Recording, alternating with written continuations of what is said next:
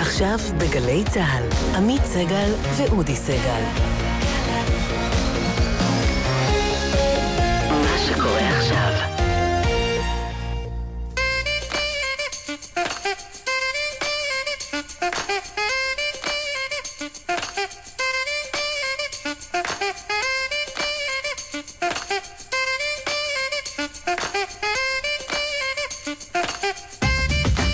תשע וחמש דקות בגלי צה"ל, בוקר טוב אודי סגל. בוקר טוב עמית סגל. סגל סגל נקרא לזה?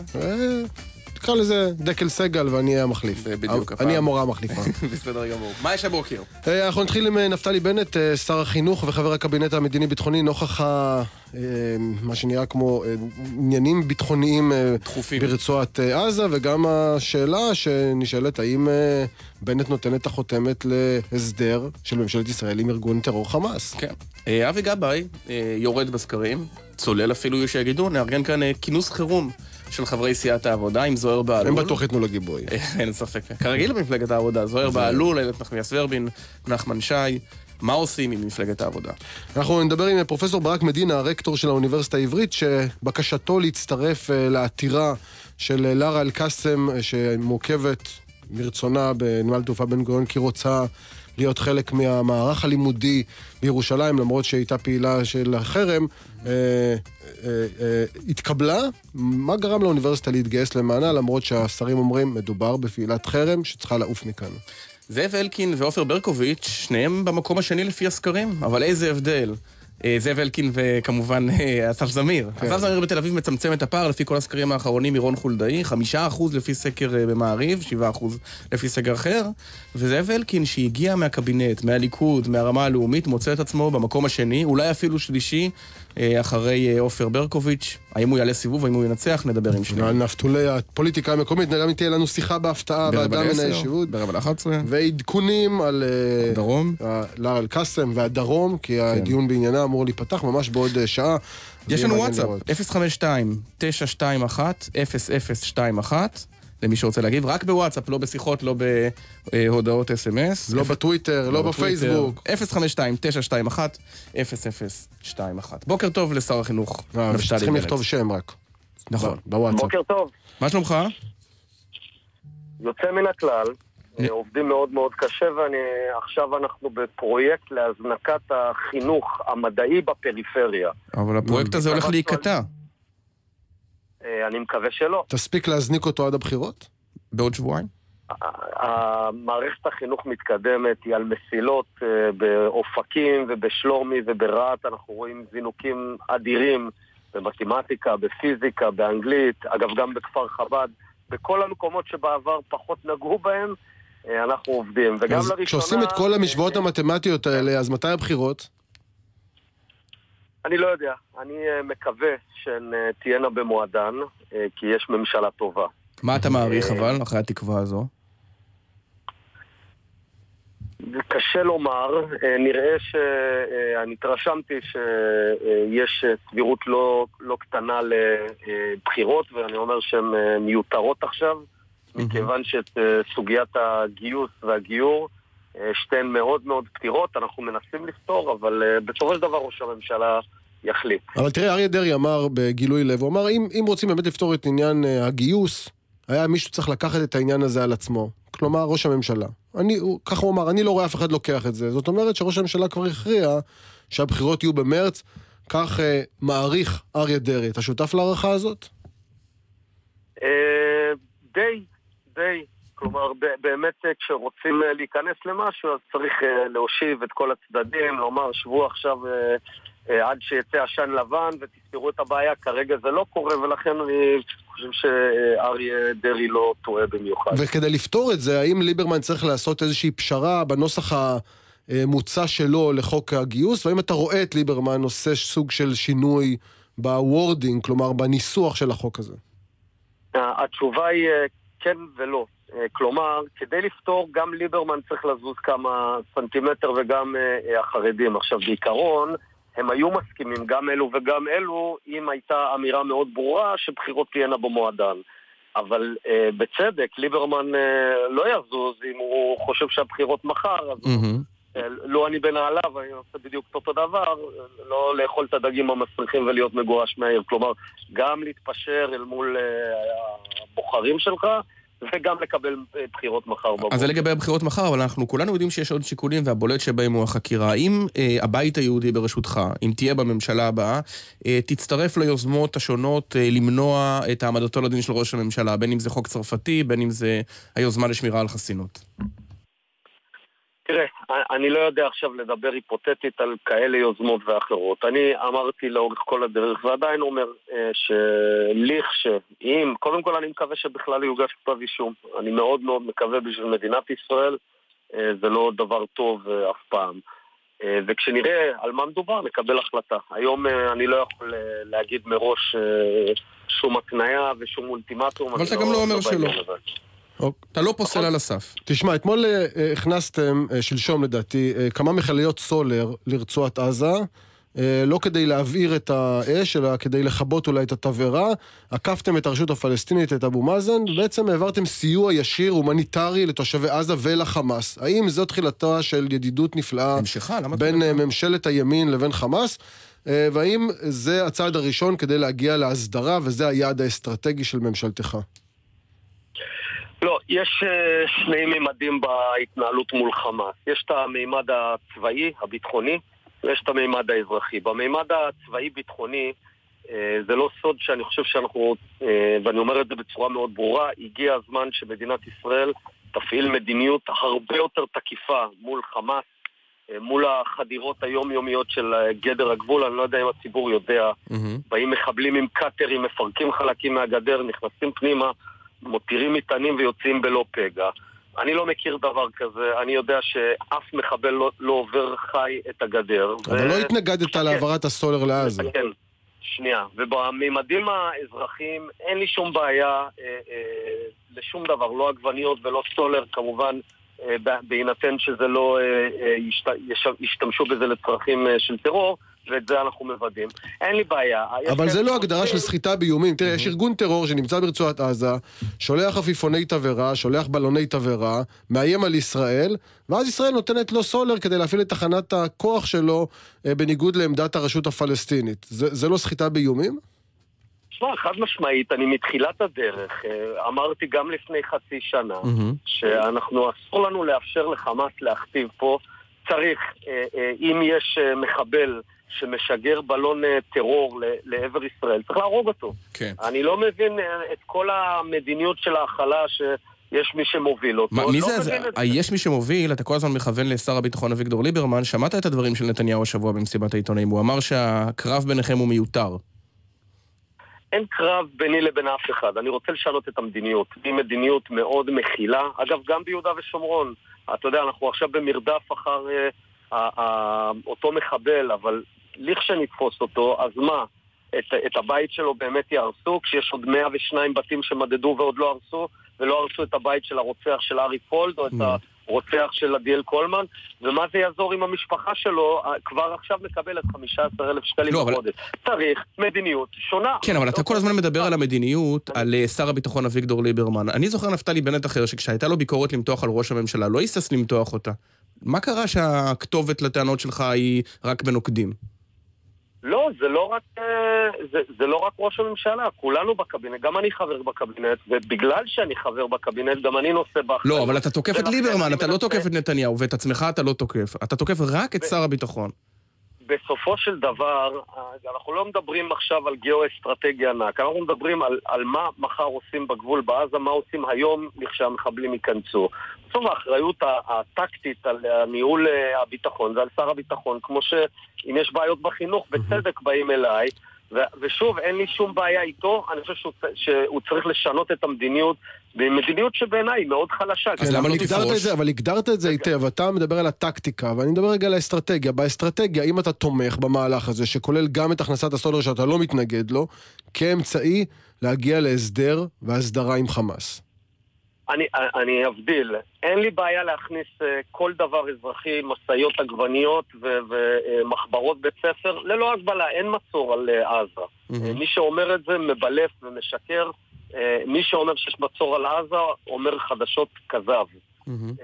עכשיו, לגבי ההסדרה, אני לא מאמין בזה, לא מאמין שנגיע להסדרה. אני לא מאמין בכלל בתזה אה, שמוביל שר הביטחון שנשכנע את הציבור העזתי להחליף את חמאס באמצעות אה, אה, אה, הרחבת אה, אזור הדייג, צמצום אזור הדייג, הכנסת סולר, זה לא עובד ככה. יש מחבלים, צריך להרוג אותם. אני מ-1990 בחייל וקצין.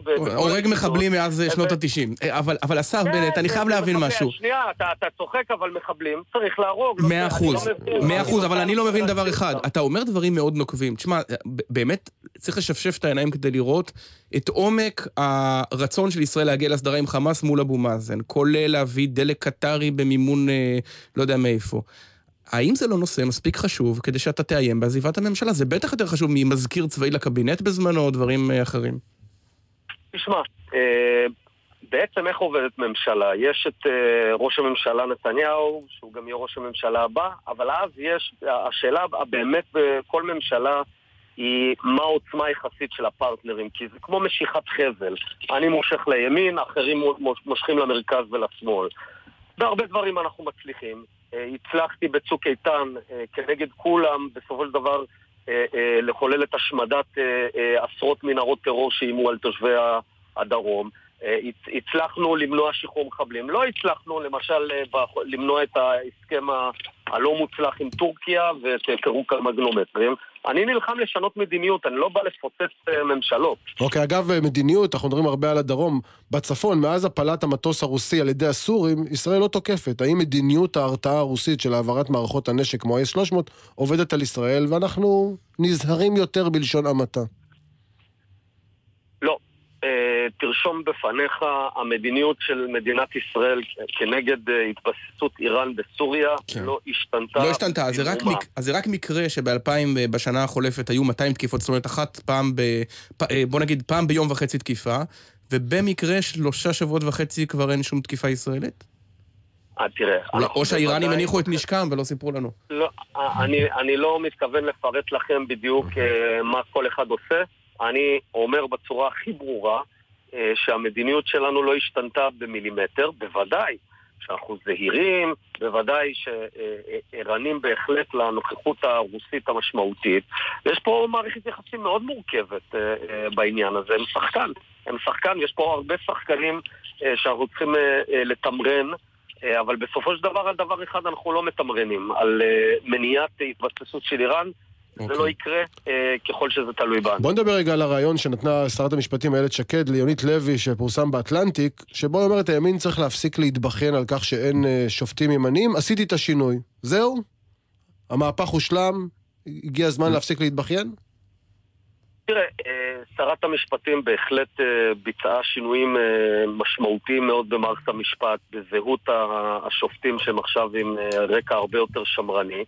Uh, בוודאי שאנחנו נמשיך uh, לקדם שינויים במערכת המשפט. למה? אבל, אבל, אבל למה לקדם שינויים? כבר המצב מצוין לפי שקד.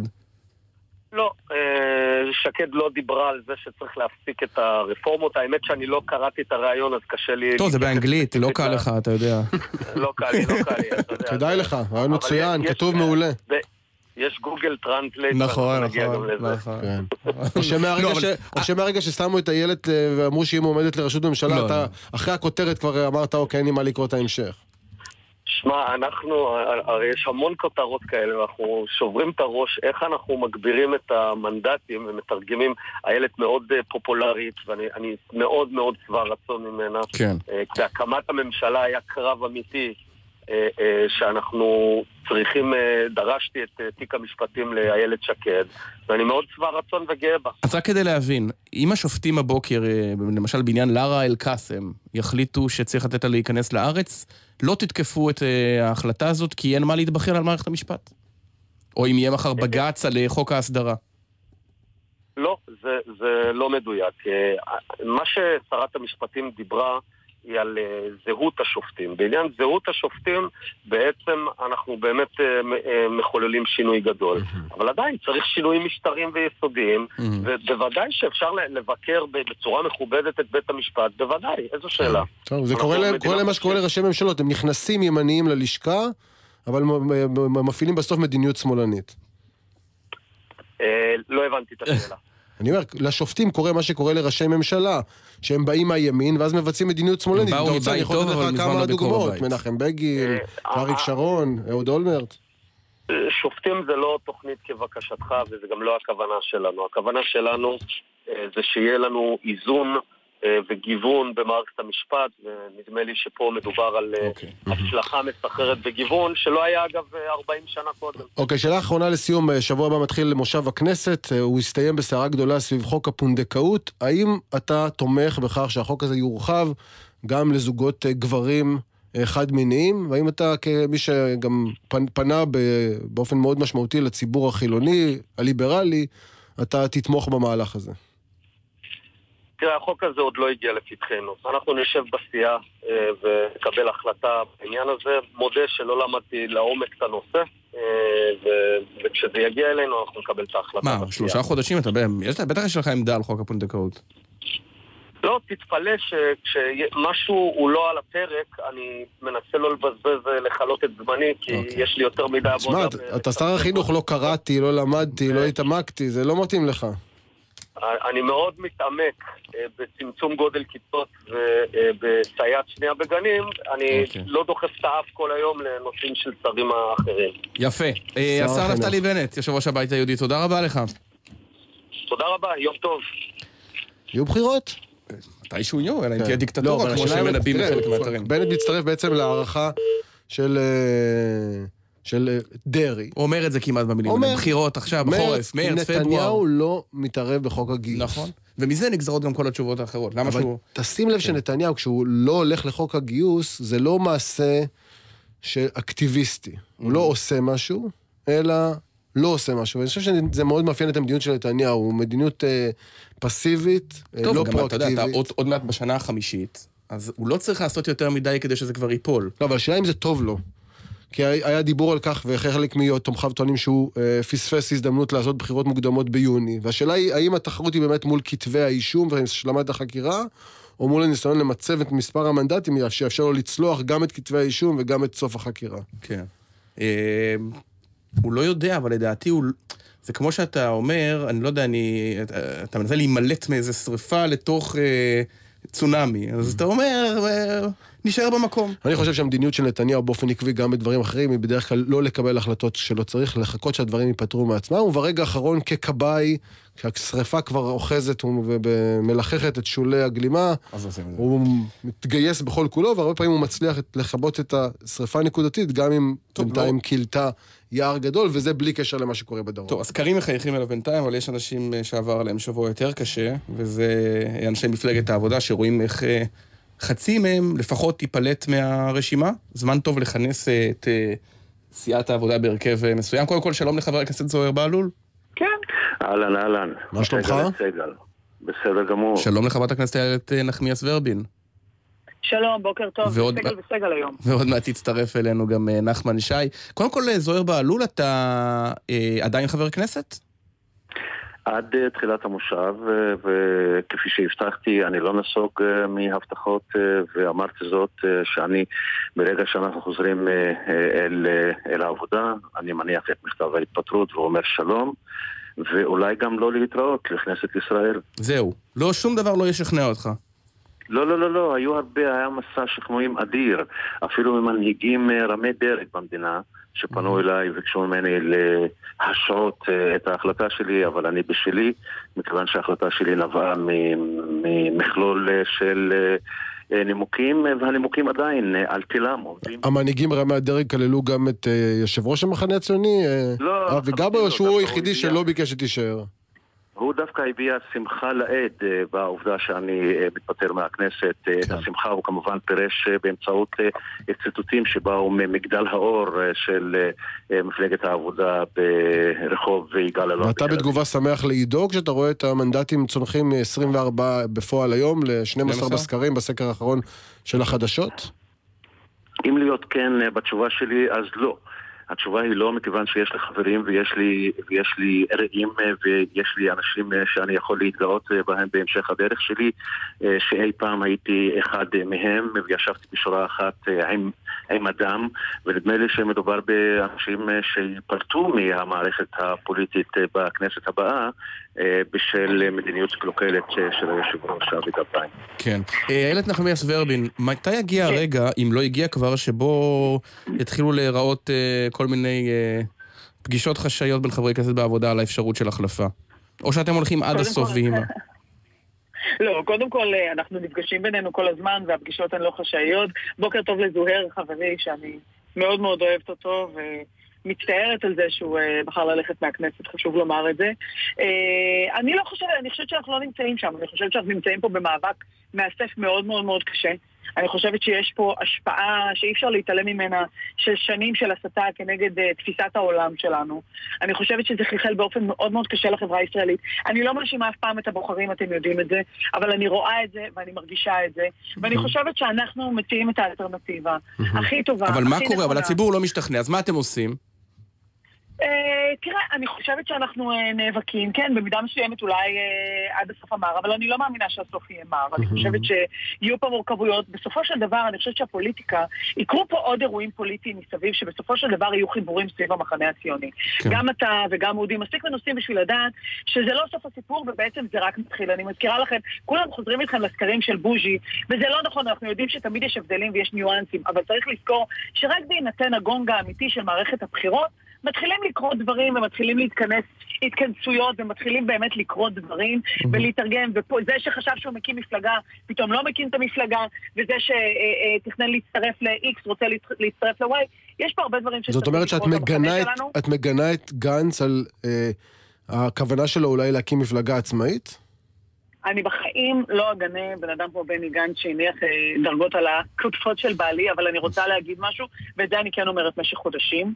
אני חושבת שבני גנץ עושה טעות שהוא שוחק את עצמו בעמידה מבחוץ לאורך זמן. הוא מניח שהוא יישחק יותר כשהוא יהיה בפנים. אני טוענת שהוא כבר עשה איזשהו תהליך של שחיקה שהוא מסוכן. אני בהחלט למשל לא בירכתי, אולי אפילו ההפך, כשהם הלכו והקימו איזה מין תנועה כזאת, אה, נדמה לי נוספת אזרחית, שנקראת פנימה.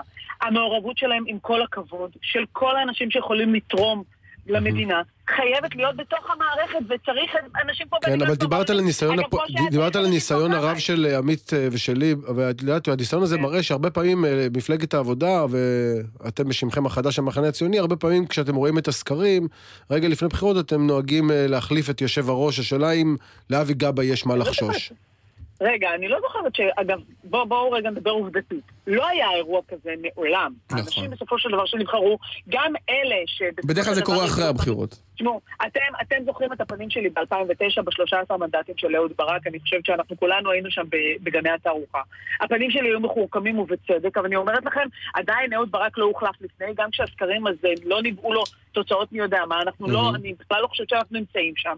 אה, באמת הסיעה שלנו מתכנסת הבוקר, אה, אני לצערי לא אוכל להיות שם באופן אה, מלא כפי שהיה מתוכנן. אה, אה, מראש, אבל יהיו אחרים. כן. אבל יהיו, אבל יהיו אחרים, יהיו חברי הסיעה. ברור, אז רגע, בוא- בוא נדבר עם מי שכן- המשימה מורכבת, המשימה מורכבת מאוד. נחמן שי. אתה היית חבר בסיעת קדימה, ראית סיעה שקורסת, נכון שזה לא דומה בכלל, העבודה היא מפלגה הרבה יותר שורשית. אתה מרגיש את אותם סימנים, או שלדעתך גבאי עוד יכול להתרומם? לא, לא, לא. אני לא, לא רוצה להשוות את קדימה לעבודה. אני חושב שזה שתי מפלגות שהיו שונות לגמרי. קדימה הייתה מפלגה שהוקמה משילוב של מפלגות וכן הלאה, וכמו שהיא עלתה מהר, היא ירדה מהר בעבודה, זה לא יכול לקרות בשום אופן. מפני שכמו שאמרת, השורשים שלה עמוקים מאוד, ותמיד צומח משהו מתוך השורשים האלה. אני לא מכחיש את זה שאנחנו נמצאים במשבר מסוים.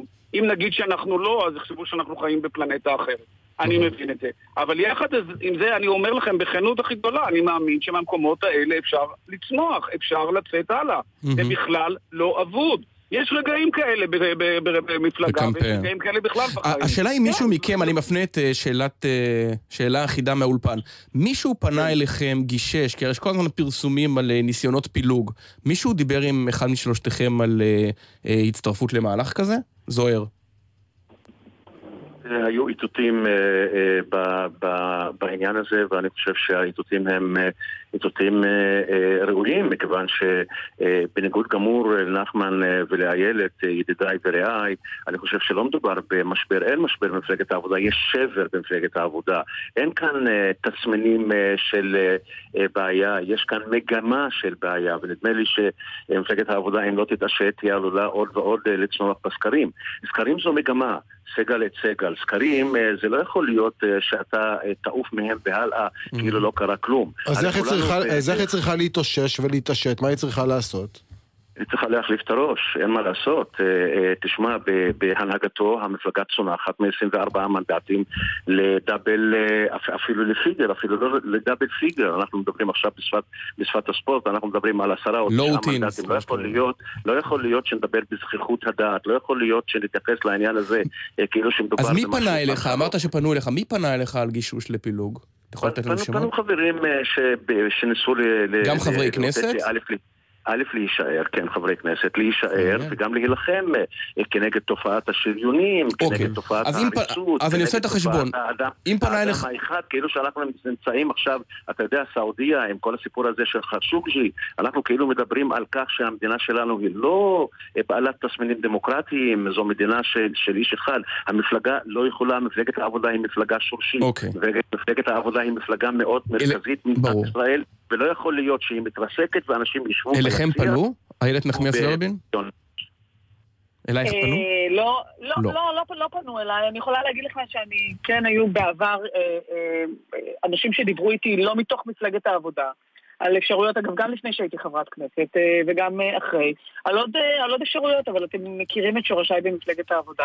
כל מה שקורה כרגע הוא אירוע אה, לא פשוט, אה, נחמן אה, ציין את זה בצדק. אני חושבת שאנחנו נמצאים בפני מורכבות, שאנחנו נדע לצאת ממנה.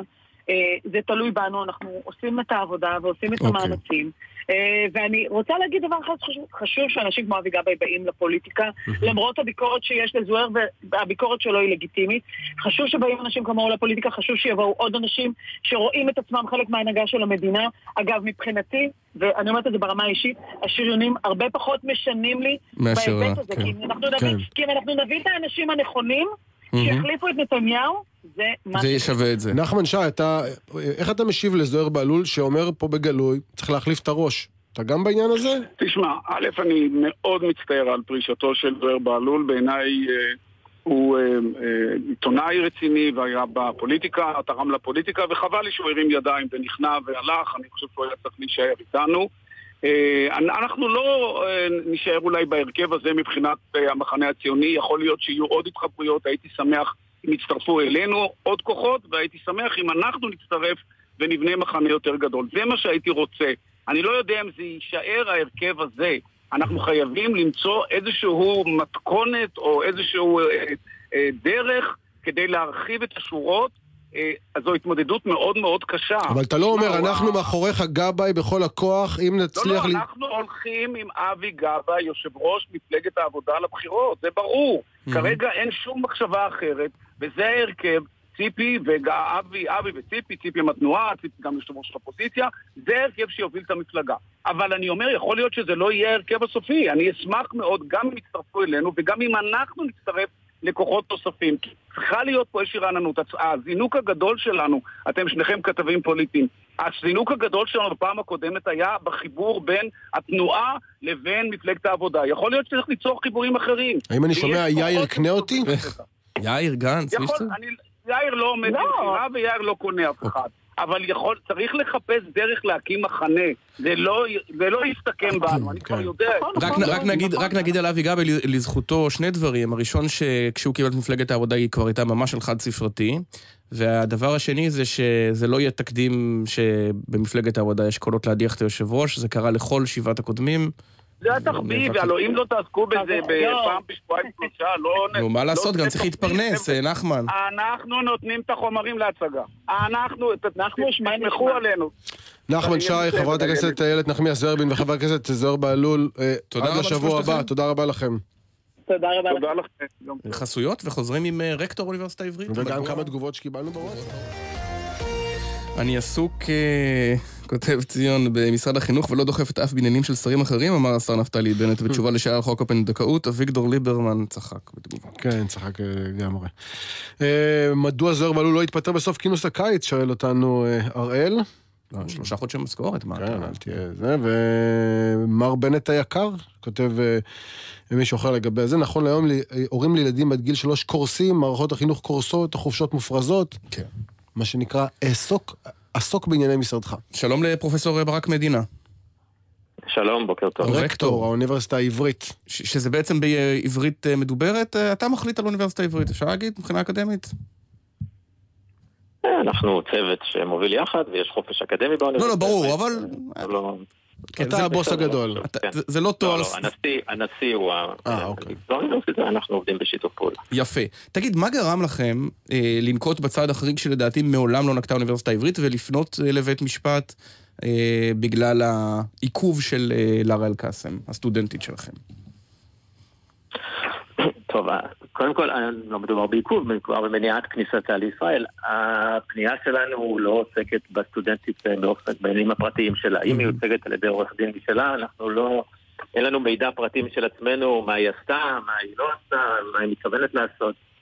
הפנייה שלנו נועדה להבהיר בעצם את העמדה העקרונית שלנו בנושא הזה. והיא? כלומר, אנחנו שותפים לעמדה של הממשלה במאבק נחוש נגד החרם. אנחנו נהיה הראשונים שנסבול ממנו אם יהיה חרם. אז במובן הזה אנחנו באותו צד. אנחנו פשוט חושבים שהמדיניות שבה נוקטת הממשלה בהקשר הזה היא. מדיניות שגויה, היא עלולה להחמיר את החרם ולא... אבל אתה לא- פונה בגלל שאתה חושב שהחרם עלול אה, להחריף, דהיינו כפטריוט ישראלי, או כאדם שעומד בצמרת מוסד אקדמי וחושב שסטודנטים צריכים לבוא וללמוד? שני דברים שונים קצת. שני הדברים גם יחד, אני שני הדברים. אין לך ספק בפטריוטיות שלי. אה, בוודאי שאני פטריוט ישראלי. לא, לא, ברור, אבל אתה אומר, הפנייה שלך נוגעת לתפקידך באוניברסיטה העברית, הרי היה שהאוניברסיטה עצמה פנתה. יפה. לא, אבל אוקיי. פרופסור מדינה, יש, יש, פה, יש פה עמדה עקרונית של השרים דרעי וארדן, שהם טוענים את הדבר הבא. מדובר בפעילת חרם, לטענתם. יש להם כל מיני ראיות שהם לקחו בין השאר מהפייסבוק ומארגונים ימניים שהעבירו להם, והם אומרים, אה, מאוד פשוט, היא שיקרה. היא הגיעה לישראל ושיקרה לגבי אה, עברה, וכל מה שהיא צריכה לעשות זה להתנער ולהגיד שהיא לא ת- תומכת בחרם. האם זו עמדה הגיונית, והאם אתה מצטרף לקריאה שלהם לסטודנטית לעתיד שלך, לארה אל-קאסם, שתגיד שהיא לא תמכה אף פעם בחרם והיא לא תומכת בחרם. היא כבר אמרה את זה, היא אמרה את זה בבית המשפט, מהמם. היא אמרה את זה אתמול במסר ששלחנו ללשכת השר.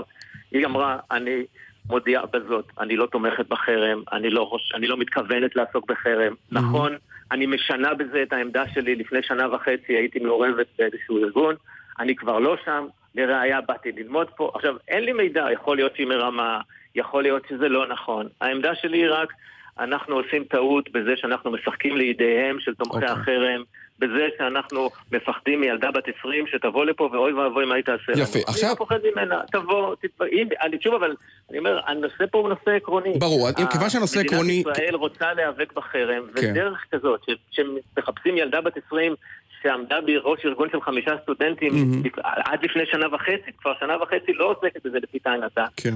זה נראה לי אה, דבר שהתועלת ממנו הרבה יותר קטנה מהנזק שהוא יגרום, ואתם צריכים לראות מה הולך ב... ברשתות, ברור. בהתייחסות הבינלאומית אלינו, עושים איתנו צחוק, נותנים, פשוט נותנים אה, חומר למי שרוצה להכפיש. פרופסור. מדינה, בוא בוא תעזור לי לפזר אבל את החשש אה, שעולה גם אצלי, שאם היו לה דעות אחרות לא היית פונה. תום ניסני היה סטודנט באוניברסיטה העברית, וכשהוא- והוא נעצר אה, בגלל שהוא רגע, פעל רגע, לחופש... היו לה דעות אחרות, מה הדעות שלה? אני לא לא, יודע מה הדעות שלה. הדעות שלה הם... באיזה אה, מובן?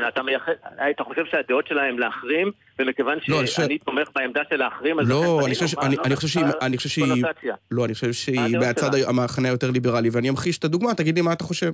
תום ניסני היה סטודנט באוניברסיטה העברית, והוא נעצר על אה, פועלו למען חופש של תפילה של יהודים בהר הבית. חופש תפילה זה דבר חשוב. אה, והאוניברסיטה אף פעם לא הצטרפה לעתירות המשפטיות שלו, היא אפילו לא הוציאה הודעה. למה?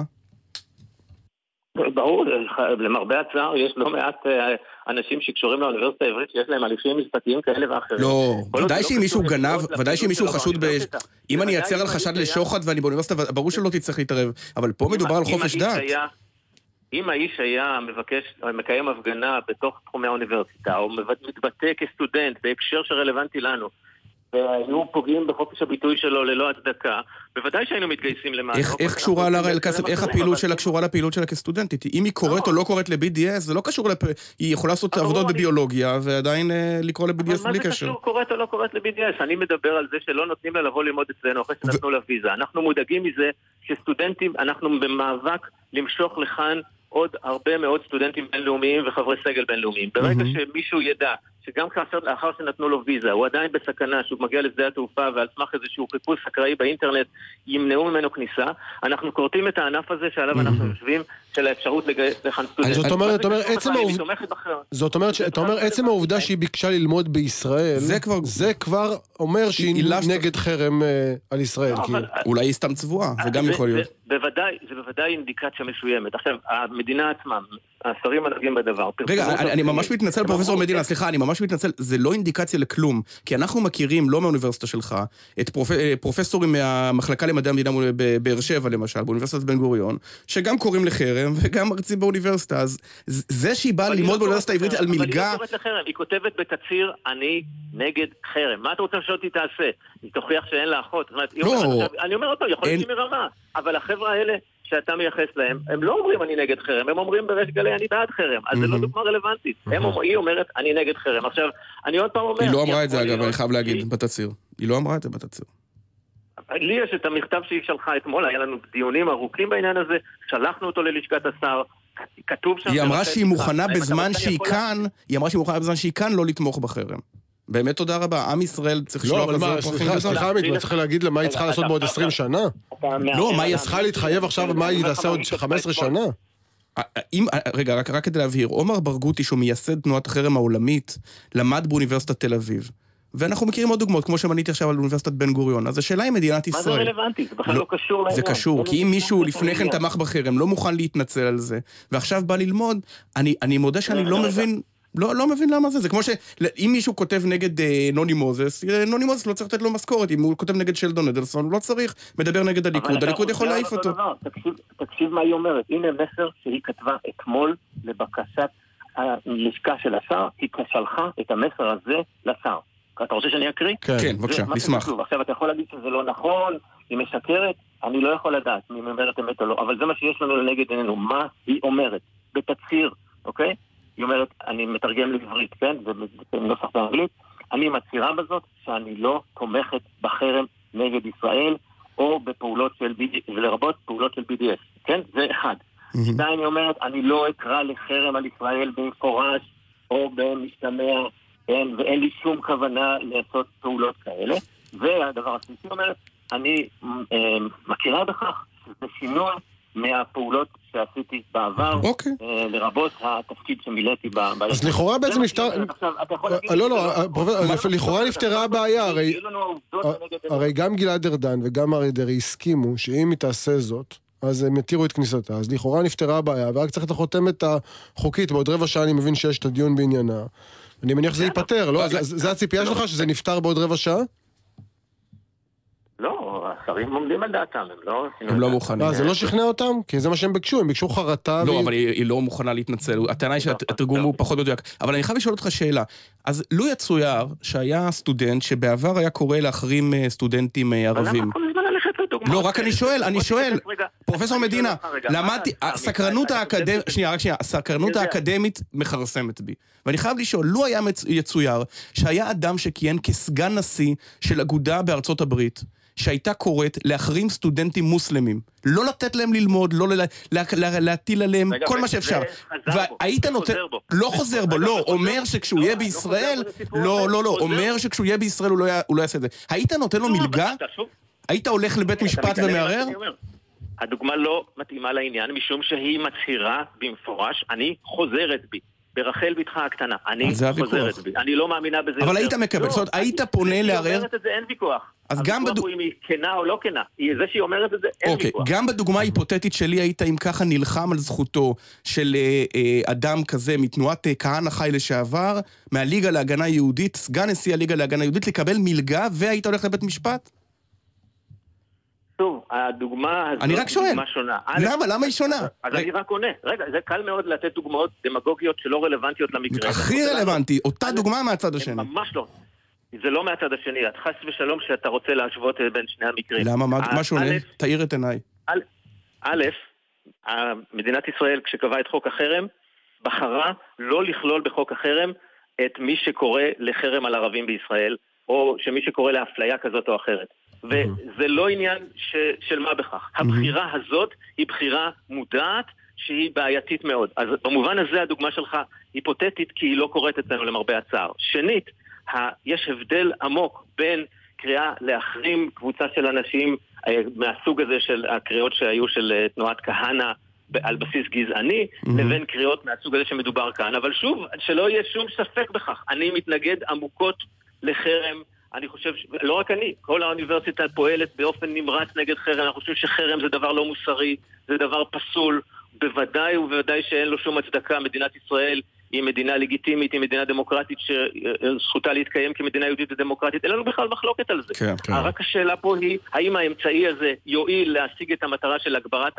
הלגיטימציה, החלשת החרם, או יחריף אותה? כן, לפי, לפי מה שאנחנו שומעים מהשרים, הם טוענים שהנוסח הוא לא מדויק, אז אני חושב שאולי יש לכם עניינים של תרגום, של תרגום. של, של מה, פעם שנייה בתוכנית, מה היא תוך חצי באמת שעה. אמרה. פרופסור ברק מדינה, רקטור האוניברסיטה העברית, תודה רבה לך על הרעיון הזה.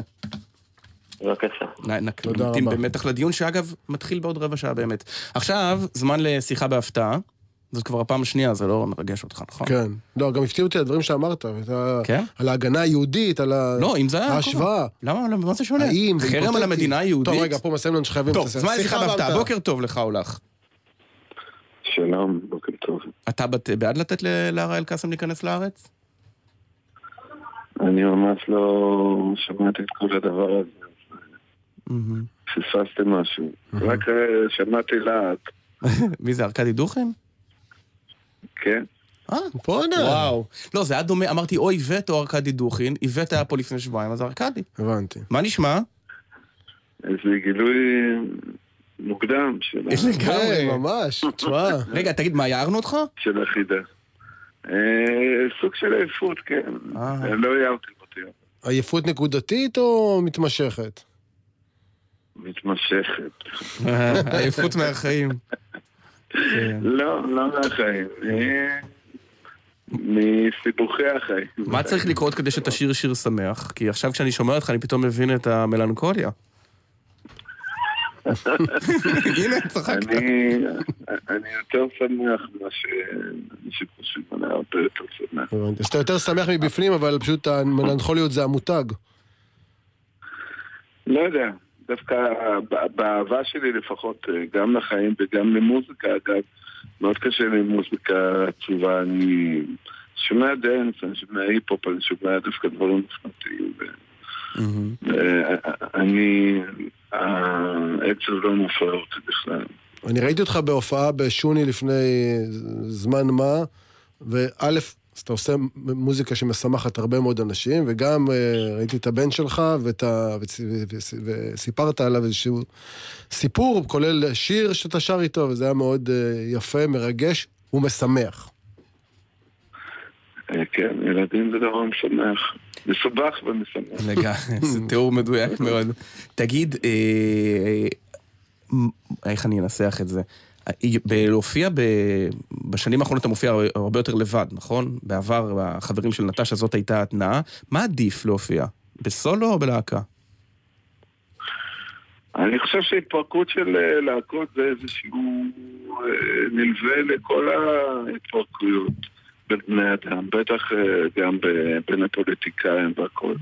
הרווח לקהל זה ביחד, ואני חושב שבסופו של דבר גם נאמן, אבל האגו פשוט אה, כן, זה זה? גדל. באיזשהו שלב, אם כן. זה מצליח, זה לא יכול אה, להישאר בחדר אחד.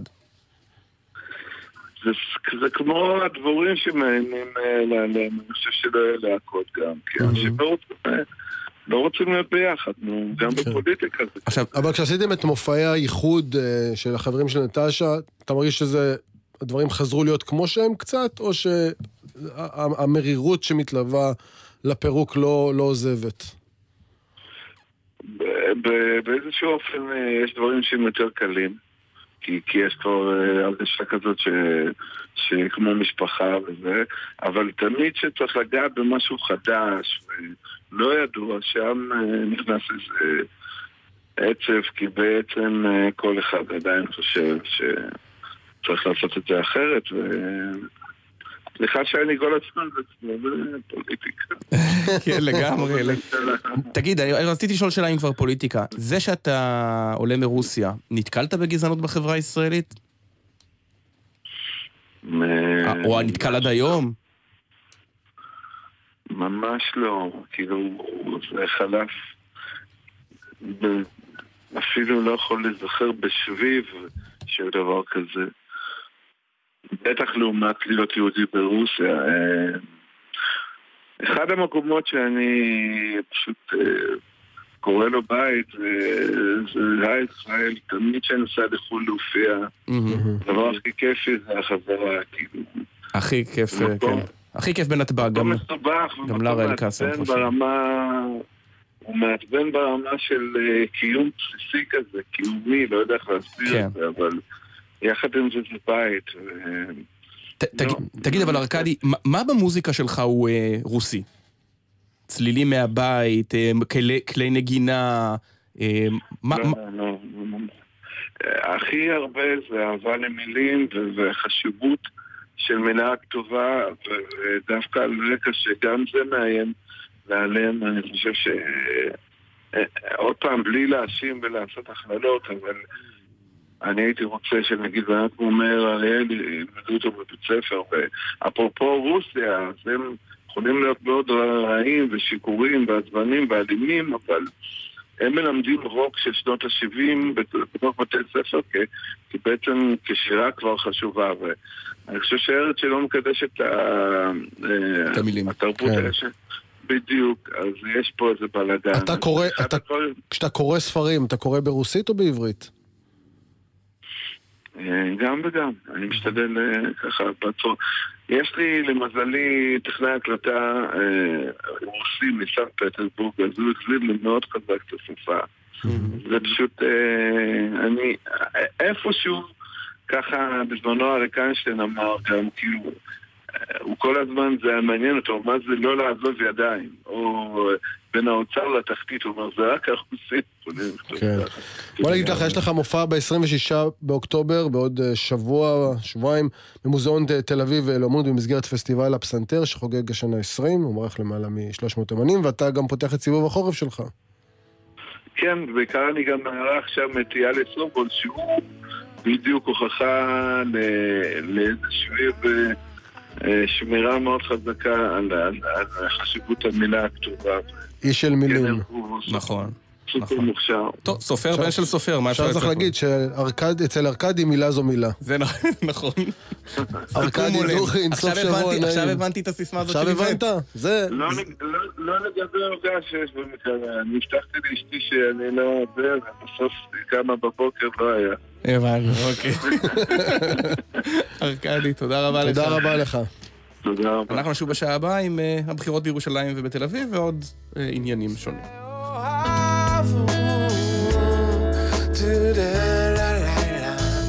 עומד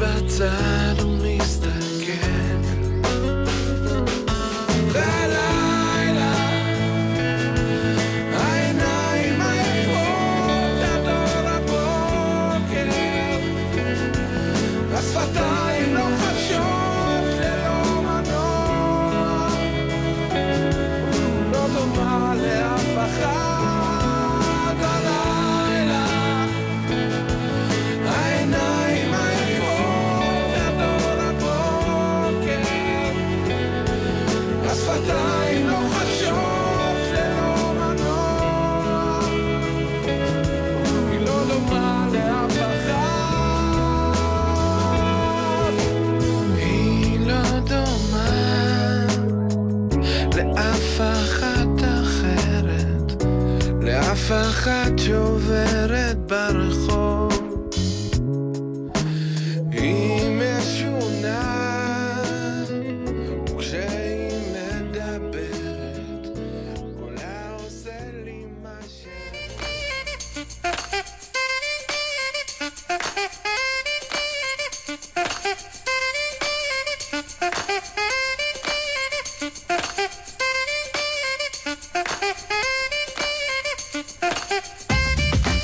עשר וחמש דקות. אודי סגל, עמית סגל, חשבנו לשעה שנייה, ובה נדבר עם אה, המועמד השני במרוץ לעיריית תל אביב, לפי סקר ישראל היום. כן, שמצמצם את הפער. שמצמצם את הפער, והמועמד השני, אבל שהפער גדל שם, זאב אלקין במרוץ לעיריית ירושלים, אחד יותר שמח, אחד שר מאוד ירושלים שהיה אמור כאילו לסחוף את. העניין, כן. אה, ילדה בת 20, אה, קורא ברק מדינה ללארה אל-קאסם, ככה כותב ארי גייגר בוואטסאפ. טווח הגילאים של הילדות עולה משנה לשנה, עוד כמה שנים גם אתם תחשבו ילדים. אני חייב להגיד לך בתור אבא לילדה בת 20 שהן עדיין ילדות. כן, אוקיי, יפה. ומצד שני, כותבת נטע, יש הבדל בין חרם על ערבים שהוא על בסיס מוצא לבין חרם שהוא על בסיס מדיניות, כמו BDS, כי מדינה יכולה לשנות את המדיניות שלה, ואדם לא יכול לשנות את אה, מוצאו. יש בזה משהו. תשמע, אני חושב שיש פה איזה סוג של אה, מהלך אה, בעייתי מבחינת ישראל. אוקיי. יש, יש עמדה עקרונית. העמדה העקרונית צריכה להיות, אם היא שקרה במעבר הגבול, אפשר להגיד על שקר... שקרה, אבל אנחנו יודעים שהיא שקרה. נכון, אז על זה, אבל אומרים, הביתה, אבל אומרים לא, לא, בוא נתנה את זה. אם היא תתחרט, עכשיו אם היא כן התחרטה, חרטה מלאה. ואני חושב שיש פה הגדלה של איום החרם על ישראל. והעובדה היא שהפרשה הזאת, ואני אומר לך, לא יודע אם ראית תקשורת בינלאומית, איך היא כן. מתעסקת בזה, אנחנו מתעסקת כולל בזה. תומכי ישראל בניו יורק טיימס. תומכי תומכי ישראל, כולל יהודים אה, בעולם שמתביישים במהלכים האלה. זה לדעתי גורם יותר נזק מתועלת, גם אם ישראל צודקת, היא בוודאי לא חכמה, ואני גם חושב שהאיום הזה של החרם הוא קצת אה, מוגזם. יודע. תגיד, במה זה פגע החרם בישראל? לא, היה... בוא נגיד ככה, כשאני זוכר את עצמי בלונדון ב-2009-2010, זה היה ממש מבעית. לא מבעית ברמה של סכנה לחיים, אבל אתה רואה שאת הגל הולך ושוטף אותך. ויהיו יגידו, בגלל הכיבוש, עד שלא נפסיק, ושיגידו, זה אנטישמיות, אה, כמו שאני חושב, אבל בסופו של דבר, זה יכול להיות איום אסטרטגי. זה שתנועת ה-BDS עכשיו לא ממריאה, זה גם פרי של כל מיני פעולות שישראל עושה, מעל ומתחת אה, לרדאר. אבל אני רוצה להגיד לך משהו על החופש האקדמי. כן, אבל אני חייב להגיד לך דבר כזה, שזה בינתיים במדדים הגדולים, ויכול להיות שעוד פעם זה יכול למדיניות ישראלית מחוכמת וחשאית. לא, למה? אבל שנעשית, אבל, וכמובן שאני מתנגד ל- ל- ל- לחרם על, אתה על, זוכר על שליהודה גליק לא נתנו ויזה, שלחברי כנסת אחרים לא נתנו ויזה לארה"ב? למה רק לאמריקאים מותר, לבריטים מותר, ולנו, ולנו אסור? אה, זו שאלה טובה שצריך לשאול על הרבה מאוד עניינים מדיניים, של מדיניות ישראלית. אני חושב שמותר, אבל צריך שתהיה מדיניות עקבית. וכשהמדיניות היא על מדיניות ממשלת ישראל, שמשתנה מדי פעם, אוקיי. אז זו שאלה, דבר שהוא נזיל. עכשיו- נניח תיבחר עכשיו מדי- מ- מ- מ- מ- ממשלה ממשלה אחרת. חדשה, כן. אז- אז אז מי שמתנגד למדיניותה... טוב, זה הוויכוח אם זה על מדיניות או משהו יותר עמוק, אבל, אבל רק דבר אחד על חופש, על חופש אקדמי, ומיד נעבור אה, אולי לדיווח מעזה. אה, האוניברסיטה העברית, אה, בוא נגיד, ולזה הפרופסור מדינה אולי קצת יתחמק, היא כן מקום שהמוטה מאוד שמאלה. אתה יודע, יש, יארך בשבוע הבא כנס על הכיבוש. תקשיב לרשימת הדוברים. הנושא הוא חיים תחת הכיבוש, כנס של האוניברסיטה העברית, של הפקולטה למשפטים, היה לי הכבוד ללמוד שם. כשעוד לא היו כנסים כאלה. המרצים, פרופסור דוד קרצ'מר, פרופסור דוד הראל, אלוף בן רעיף זרעי, הלל כהן, ניר חסון, יהודית אופנהיימר, דרור אטקס, רפי גרינברג, רביע אגבריה ומאיה רוזנפלד. ומוטה קרמניצר, אסף שרון ואלון הראל, שאתמול אמר שהטבח בברקן הוא כמו הפעולות של ואם היית צה"ל. תלמיד עכשיו, היית נוטש את הפקולטה לא, אני רק מבין? מדברים על חופש אקדמי. 15 אנשים, כולם בצד אחד של המפה. אבל הם עוסקים בדבר? ספציפי. לא, אבל זה חופש אקדמי? אפילו קרוב ללהיות מהצד השני של זה. ולכן אני קצת, קצת, קצת, כן. קצת הרבה, אבל השאלות מפקפק במינים של האוניברסיטה העברית. היפותטיות וההשוואה לדעתי שעשית על עניין של החרמה על ערבים היא שונה במהותה, אבל מכיוון שזה עוד לא קרה, אז קשה להשוות. ואם זה. יקרה, יכול לחזור לדון בזה. אה, אה, מאז הבוקר יש דיווחים על חסימת צירים אה, בדרום בעקבות פעילות ביטחונית. ועכשיו יש גם צבע אדום. עזה, ועכשיו אזעקת צבע אדום. שלום לצחי דבוש, כתבינו הצבאי. צחי, מה קורה? שלום עמית, שלום אודי. אז ממש לפני דקה נשמעת אזעקה בעוטף עזה, אנחנו מדברים על אזור נתיבות, כל היישובים בתגדית, כפר עזה, סעד, תקומה וכולי, שם נשמעת אזעקה, אנחנו עדיין לא יודעים מדוע הופעלה האזעקה, ואם אכן אה, היה שיגור שזו אזעקת שווא. ואנחנו כן יכולים לומר שהחל אה, מהבוקר, בשעתיים האחרונות, יש פעילות נרחבת. של צה"ל, סמוך לגדר, פעילות יזומה שאנחנו לא יכולים להרחיב עליה בשלב כן, אבל הזה פעילות של, יזומה, אה, צחי אומר. בוא, אנחנו פחות או יותר יכולים להבין מה זה פעילות יזומה. זאת אומרת, זה לא שיש חשש לחדירת מחבלים או פעילות של אה, חמאס, אלא אנחנו כן. לא, לא, לא. עושים משהו. נכון ולכן האזעקות האלה הם... אה, אם, אם, אם זאת באמת לא אזעקת שווא, זה מעניין. כן.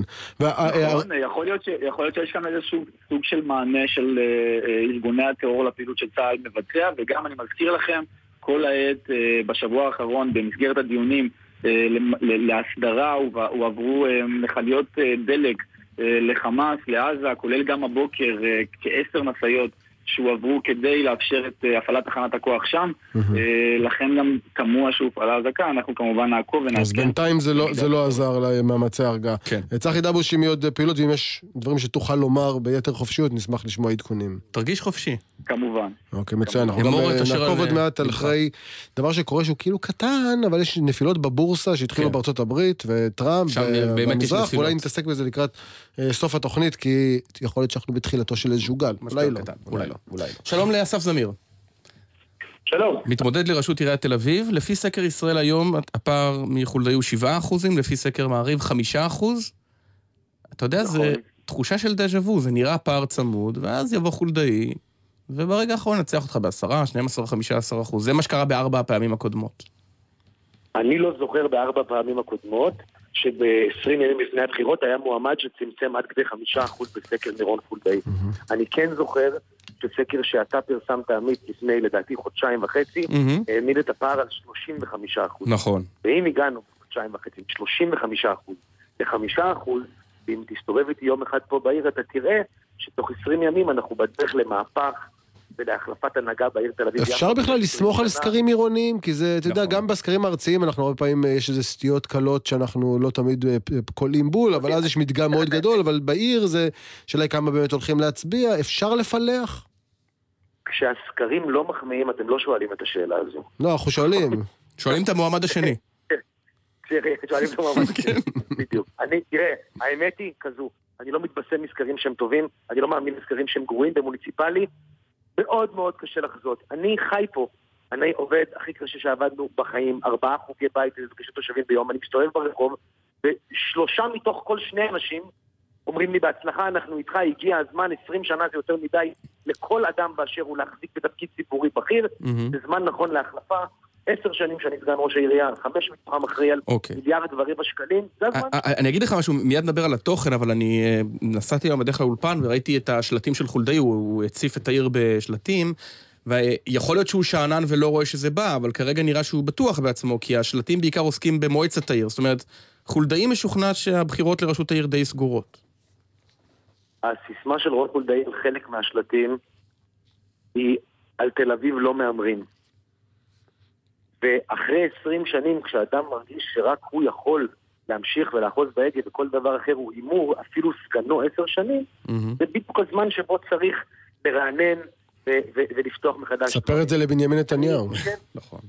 אני לא. יכול לומר לך דבר על הסעננות, אני יכול לומר לך שאני לוקח את הבחירות האלה מאוד ברצינות, ואני חושב שאנחנו בדרך למהפך, וכל מי שנמצא כאן במטה הבחירות ומרגיש את המומנטום הזה, רואה אנשים מגיעים ומצטרפים כל יום ועולים על העגלה, ואני אגיד לך למה. נו. כי לא משנה כמה דברים נהדרים נעשו בעבר, ונעשו דברים נהדרים בעבר. בסופו של דבר, אחרי 20 שנה, האדמיניסטרציה הזו נוסעת על ידי הדלק האחרונים שלה. ולעוד חמש שנים היא עלולה להיתקע. תראה, תראה, את ציפי אני- ברנד צירפת אליך, שהייתה מועמדת גם, ואתם אה, חב- חברתם כוחות, אתה מתכוון לעשות דבר אה, דומה עם מועמד נוסף אה, לראשות העיר, שאמור להיות מועמד אלטרנטיבי, אסף הראל?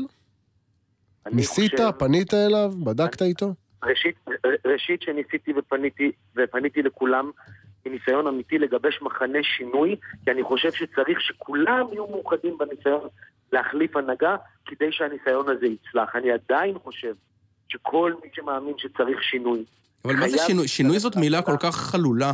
מה, מה, ב, למה הוא נפרט לפרוטות? מה, מה משותף בינך לבין אסף הראל שלא משותף לך ולרון חולדאי? נראה לי שאתם הרבה יותר קרובים לחולדאי. כשפורטים את המילה שינוי, צריך לבחון את המדיניות המוצעת. בסופו של דבר, העתיד של העיר הזו טמון לדוגמה בהיפוך הפירמידה, שבמסגרתה מקדמים פה תחבורה ציבורית על פני רכב פרטי. היפוך הפירמידה אומר הורדת כל האופניים והאופניים החשמליים מהמדרכה לכביש כדי להחזיר את האופניים להולכי הרגל, את, את המדרכה להולכי הרגל, ולייצר בכביש עדיפות לתחבורה ציבורית ולרוכבי אופניים. יש הרבה מאוד דברים שמחנה השינוי מבין שאפשר להסכים לגביהם. חינוך מסובסד... אבל מה זה. שינוי? אתה- עדיין לא, סגן הנה- שינוי שהוא עשה, כסגן ראש העיר קידמת ביחד עם רון חולדאי למשל את פרויקט אה, אתר, אה, כיכר אתרים, נכון. שהיה אמור לבנות שם מגדלים ל- עם דירות לעשירים, ועכשיו אה, כחלק מהריצה שלך ל- לראשות העיר, אני רואה שנסוגת בך- ואתה רוצה להחזיר את הכיכר ל- לציבור. זה- זה זה שינוי? אני, אני מאמין שכשאני מציג את מועמדותי לראשות העיר, זה הרגע שבו אני יכול להציג את כל תפיסת עולמי, לא כחלק מתוך קואליציה. אל תשכחו, אני עמדתי בראש תנועה שהיו לה ארבעה מנדטים מתוך 31 במועצת העיר. כשאתה מייצג ארבעה מנדטים, יש סדרי עדיפויות ודברים שאתה מצליח לקדם ודברים שלא, ואתה בתוך קואליציה. כשאתה מגיע ומעמיד את מועמדותך לרשות העירייה, זה הרגע שבו אתה פונה לקהל תושבי תל אביב-יפו ואומר, אלו סדרי העדיפויות שלי, ככה אני אצמצם פערים חברתיים וייצר שוויון הזדמנויות אחר, ככה ייצר חיים משותפים בין דתיים לחילונים ויהודים לערבים ובין כל חלקי העיר, ככה אעשה בנייה שתאפשר ליותר אנשים לגור פה, ככה אתכנן את התחבורה כדי שיהיה קל יותר ונוח יותר להתנייד באמצעים שאינם הרכב הפרטי, ועוד כל תחומי החיים שיש בעיר הזו. ודאי שהבחירות לרשות העירייה הן ההזדמנות לבוא ולומר, הנה תפיסת העולם העצמאית שלי בכלל הנושאים, נטולת שיקולים קואליציוניים, בדרך שבה אני אנהיג את העיר הזו כאשר אהיה ראש העירייה בעוד 21 ימים. אתה היית בקבוצה שנקראת אה, לא נסגרת תל אביב, אתה זוכר? כן. קבוצת וואטסאפ. הקבוצת הוואטסאפ הזאת אה, הציעה, זה היה אפרופו המאבק על חוק המרכולים, אני לא טועה, אה, והדרישה של חלק מבעלי המכולות אה, להיסגר בשבת, כי הם לא יכולים לעבוד בשבת או לא רוצים, וקראת להחרים אותם. שאלה אם אתה לא מתחרט על לעולם המהלך הזה. לא. לא? רגע, עמית, אוקיי. אני לא קראתי להחרים אדם בחיי. מהמם. זה לא הסגנון שלי, זה לא האופי שלי, לא הדרך שבה אני מתבטא. אוקיי. אני יוצא נגד מהלכים של חרם. אני, כשהעמידו בנושא הזה מדבקות על עסקים, כדי לומר, גם אני פתוח בתשעה באב, אני דווקא יצאתי נגד המדבקות הללו. יש פער בין לומר, אני חושב שהצביון של העיר תל אביב-יפו הוא כזה שצריך לשמור על היקפי מסחר קיימים גם בשבת לטובת התושבים, ותמכתי בזה, ואני עדיין תומך בקיומה של מסחר בשבת, ולמעלה מ-90% מתושבי העיר תומכים בקיומם של מרכולים תגיד, בשבת. אה, ממש לסיום. המאבק העיקרי הוא במועמדים האחרים, או באנשים, באדישות של המצביעים בתל אביב? זאת אומרת, האם אתה רואה התערערות ביכולת שלהם לצאת מהבית ביום השבתון שיהיה בסוף החודש וממש יצביעו? כ- כמה אתה חושב מתוך 100% של תושבי תל אביב באמת מצביעים בסוף?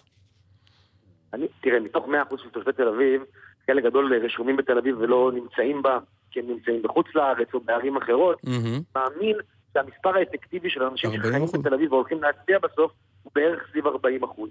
אני, באף אף רשות עוד לא יודעת יום השבתון יעלה את זה או יוריד את זה. אני כן יכול לומר לך שבתוך מחנה המצביעים, לא בכדי, בכל הסקרים שפורסמו היום, יש בין 35 ל-40 אחוז שעדיין... שזה המון, כן, המון. בתוך ה- אבל אז בגלל, בדיוק בגלל שגם המרוצים שבהם אומרים מתישהו צריך לשים סטופ, מתישהו צריך להחליט, 20 שנה זה מספיק, 25 שנים זה יותר מדי, ולכן כל הזירה הזו פתוחה, ואני הולך ברחוב, וכל אחד שאני מדבר איתו פוגש, כבר משוכנע או משתכנע. כל יום שאתה תעשה את הסקר שפורסם היום, מצבנו יהיה טוב יותר, ואני בטוח שהמציאות, היום אפילו, כמה ימים אחרי שהסקרים האלה בוצעו, אוקיי. היא כבר יותר טובה, ואני לא אתפלא אם היא תצא. כן, אסף זמיר, סגן ראש העיר, מתמודד לראשות עיריית תל אביב, תודה תודה רבה לך. על השיחה. תודה רבה לכם. ושלום לשר זאב אלקין. שלום, בוקר טוב. מועמד לראשות עיריית ירושלים, מה לא עובד בקמפיין שלך? למה לא עובד? דווקא להפך, אני חושב שכל... ככה זה נראה כשזה עובד, אתה אומר. בוודאי, כל, תסתכל על כל הסיטואציה, תסתכל על מה שקורה פה. אני מזכיר לך את כל הדרך מהרגע שיצאתי לדרך. ברגע שיצאתי להתמודדות, בסקרים הראשונים שנעשו, הייתי רביעי. אנשים רבים אמרו, נתניהו לא ייתן לאלקין להתמודד. מהמם. והתמודדתי. אחר כך הפעילו לחץ גדול על ראש ממשלה, כמו שאתה יודע, ליברמן ודרעי, כדי שהוא בשום פנים ואופן לא יתמוך בי, מהמם. ובניגוד לכל התחזיות וכל הפרשנים הוא תמך בי. אחר כך פורסמו סקרים שאמרו לי, אתה שלישי, נכון. אבל אין לך סיכוי לעלות לסיבוב השני, למה? כי למעשה יהיה פה מועמד כלל חרדי. שיקבל את כל האחוזים, וגם זה לא קרה כי הוא די אה, חטף מכה. אבל זה לא קרה, אבל אני אציע לך הסבר אלטרנטיבי. ההסבר האלטרנטיבי... רגע, רגע, שנייה, תנו לסיים משפט. אוקיי. ובכל הסקרים שמתפרסמים עכשיו, אחרי החגים, אני שלי, אני עולה לסיבוב השני, ובכל הסקרים על הסיבוב השני, אתם יודעים את זה מצוין, אני מנצח כל מועמד. כן. אז מה לא עובד? כי אני, אני, אני אציע לך הסבר אלטרנטיבי. הגיע שר, חבר קבינט, הליגה, ליגת העל של הפוליטיקה הישראלית, והוא מתמודד מול מועמד כמעט אלמוני עופר ברקוביץ', מול מועמד שכבר הפסיד פעם קודמת משה ליאון, מול עוד מועמד כמעט אלמוני יוסי דייטש, והוא לא, הציפייה הייתה שהוא יבוא וייקח את האירוע, אה, וגם, וגם ממפלגת השלטון, שהיא המפלגה החזקה ביותר בירושלים. ואז הליכוד, הסניף המקומי רב איתו, והחרדים, שני מועמדים והם לא פורשים, וברקוביץ' ממריא. קודם כל, זה שיש בציב... בירושלים ציבור חרדי גדול מאוד, שמאוד משפיע על הבחירות, זה כולם יודעים. זה לא זה לא סוד, וזה נכון שחלקים מהציבור הזה מצביעים לי, למרות שאף מפלגה לא אמרה שצריך להצביע לי, גם זה נכון, ואני אגב מאוד גאה בזה, שאני מקבל תמיכה מכל הציבורים. יש פה מפלגות גדולות, חלקם הכריעו סופית מה הם עושים, חלקם לא הכריעו מה הם עושים. דרעי וליברמן מריצים את uh, ליאון, זה ידענו מההתחלה, הרי לא היה אחד שלא ידע את זה למרות כל הניסיונות להסתיר את זה. כל הקלפים היו על השולחן. אבל בסופו של דבר, עם כל הנתונים האלה, אני כרגע עולה לסיבוב השני, ואני שם בוודאות מנצח. כן, אגב, לגבי עופר ברקוביץ', לגבי עופר ברקוביץ', אני דווקא מפרגן לו מאוד על הקמפיין, הוא מייצג ציבור, ציבור חילוני בעיר, ציבור חשוב. שבעיניי צריך להיות חלק מכלל התהליך הזה של ניהול ירושלים. הוא לא יכול לנצח בסיבוב שני, הרי אתם מבינים את זה היטב. למה, למה משה ליאון עכשיו מכוון את כל האש אליי, אתם ראיתם בטח את כל כי ההנחה היא שליאון בסיבוב השני ינצח. על, על, הבוגד, ואחר כך הסירו וכולי. כי גם ליאון מבין שמי שיעלה לסיבוב שני מול ברקוביץ' הוא מנצח אותו. Mm-hmm. כי בגלל הדמוגרפיה של העיר ברקוביץ' לא יכול לנצח. אוקיי. ולכן ליאון בכל דרך מנסה איכשהו להתמודד עם המועמדות שלי, לחסום אותה. אז בוא נדבר טכנית, בוא נדבר טכנית. אתה מצפ... ולא מצליח. אתה, אתה מצפה לפרישה של uh, המועמד יוסי דייט, שבעצם הוא כבר חסר סיכוי, הרי ליאון קיבל uh, בנק מאוד משמעותי של קולות, ודי סביר שהוא יהיה בסיבוב השני, או בכלל לא מופרך לחשוב את זה ככה. אבל עם יוסי לא, דייט... כרגע, כרגע הוא לא, כרגע ליאון לא בסיבוב. כן, למרות שמאוד קשה לדגום שם את האוכלוסייה החרדית, אבל, אבל, אבל השאלה היא כזאת, אם יוסי דייטש לא פורש, אתה עלול למצוא את עצמך בסיטואציה מאוד בעייתית, בלי, בלי שום תמיכה חרדית כמעט. קודם כל אני אמרתי לך עמית שיש ציבור חרדי לא קטן בכל הסקרים שתומך במועמדות שלי למרות שאף מפלגה לא אמרה לו לעשות את זה בגלל מי שאני ובגלל הדרך שאני מביא לירושלים. אבל בסופו של דבר גם בלי תמיכה של מפלגות חרדיות אני היום עולה לסיבוב השני. זאת המציאות בזה אני מתרכז. אני מתרכז בקמפיין אגב מתרכז גם בצדדים של התוכן. אנחנו השבוע פרסמנו את התוכנית שלנו מאוד מאוד מפורטת, מופיעה באינטרנט. בירושלים מתחדשת, מה אני רוצה לעשות בירושלים, מה השינויים שאנחנו רוצים להביא, איך אנחנו מתכוונים לפעול כדי שזוגות צעירים יוכלו להישאר בירושלים ולקנות כאן דירות במחיר סביר, איך אנחנו מתכוונים לנקות את העיר, איך אנחנו מתכוונים לפתור את הבעיה של התקציב האיראני שהגירעון שלו הולך ותופח. אני בא לעבוד. כן, ולכן ת... אני בא לסיפור ירושלמי, מציג את עצמי, מציג את מה שיש לי להציע. יש כאן מורכבויות, יש כאן פגע, מפלגות זה פגע בך שהחזירו, שהחזירו את, פתאום בקמפיין של ליאון את עברך בקדימה? לא, עזבו, זה הרי זה כל כך מצחיק, ההודעה הזאת. אף אחד לא יצליח להוכיח שזאב אלקין הוא איש שמאל. כשאומרים לא. את זה, לפעמים, לפעמים הטיעונים הם משעשעים. אתם יודעים שבאחד מהסרטונים נגדי אמרו שאני איש שמאל כי אני תמכתי בהסכמי קמפ דויד. כל מי שייכנס לאינטרנט יראה כשנחתמו הסכמי קמפ דויד הייתי בן שבע בברית נו. תמכת או לא? יש לנו ראיות שתמכת בגיל שבע. בוא, לא אמרת שום דבר נגד בבית הספר בברית המועצות. אז זה אומר שאתה בעד. אז- לא, אבל ברצינות... נו. אז א', אתם רואים עד כמה זה מגוחך. לא, אבל השר, אבל השר אלקין, אולי יש פה משהו שהוא חורג מהבחירות בירושלים, והוא שכשאתה רוכב על גב נמר, אז בסוף הנמר ינשך גם אותך. אתה יודע, אומרים לא, על כל אחד שהוא לא שמאלני, אז. בסוף יגידו אז אפילו על לא. אלקין. הרי מי יגידו? הרי כשתלך למעצבי דעת קהל בציבור הימני, תשאל את הרבנים של הציבור הימני בירושלים, הרי עמית, אתה יודע מצוין, בטח אתה עוקב, שכולם תומכים במועמדות שלי, מהרבנים החרד"לים, כמו רב דוב ליאור ורב אבינר, עד לרבנים של הזרם המרכזי, כמו רב שרקי ורב בן ישי ורב אייזמן כן. ורב זעפרדי, שהיה ראש לשכה כן, של רב ציבור המאזינים מכיר את כולם. ועד- לרבני צוהר כמו רב רפי פורשטיין. אבל יש לי שאלה, זה משפיע על היחסים שלך עם דרעי ועם אה, ליברמן בממשלה? כי הם הרי נגדך עם אה, משה ליאון, בסוף אתם יושבים באותה ישיבת ממשלה, או שעסקים כרגיל? קודם כל, אה, אני חושב שאין לי בעיה בזה שדרעי וליברמן תומכים במשה ליאון, זה זכותם. הם הריצו אותו בפעם הקודמת, הם מריצים אותו גם בפעם הזאת, בכל הכוח. זה מה ש... זה הכוח המניע שכל ההתמודדות הזאת הם אלה שעושים לו את כל המשאים ומתנים הפוליטיים, אה, גם דרעי וגם ליברמן, גם אנשים שלהם, וזה לגיטימי. אני אגיד לכם מה לא לגיטימי, ונגד זה אני יוצא. לא לגיטימי לנסות להסתיר את זה. הרי במשך תקופה ארוכה ניסו להגיד, לא, לא, הם לא קשורים. הם לא קשורים, אביגדור ליברמן אפילו עד היום אומר, מה, אני מתערב בקמפיין בירושלים? לא, זה לא אני, זה יועץ כן. שלי בזמנו החופשי, הולך לראות כדורגל, כמו בהקלטה... אז. ליברמן משקר? או, או, ש- או שנראה בחצרות של הרבנים, זה הוא עושה כתחביב, אני בכלל לא קשור לזה. עכשיו, כל מי שמכיר את הסיטואציה יודע שהיועצים של אביגדור ליברמן לא עושים בזמנם החופשי מה שהפטרון שלהם לא אמר להם לעשות, ולכן אני חושב שצריכים להגיד לציבור את האמת, זה הכל. רק מה השתנה מזה? בעד- אני זוכר שר אחד שתמך בהתלהבות, אבל אבל אני זוכר- אני זוכר שר שתמך בהתלהבות בליאון כשהוא נתמך על אותו ליברמן ואותו דרעי. זה היה זאב אלקין לפני חמש שנים.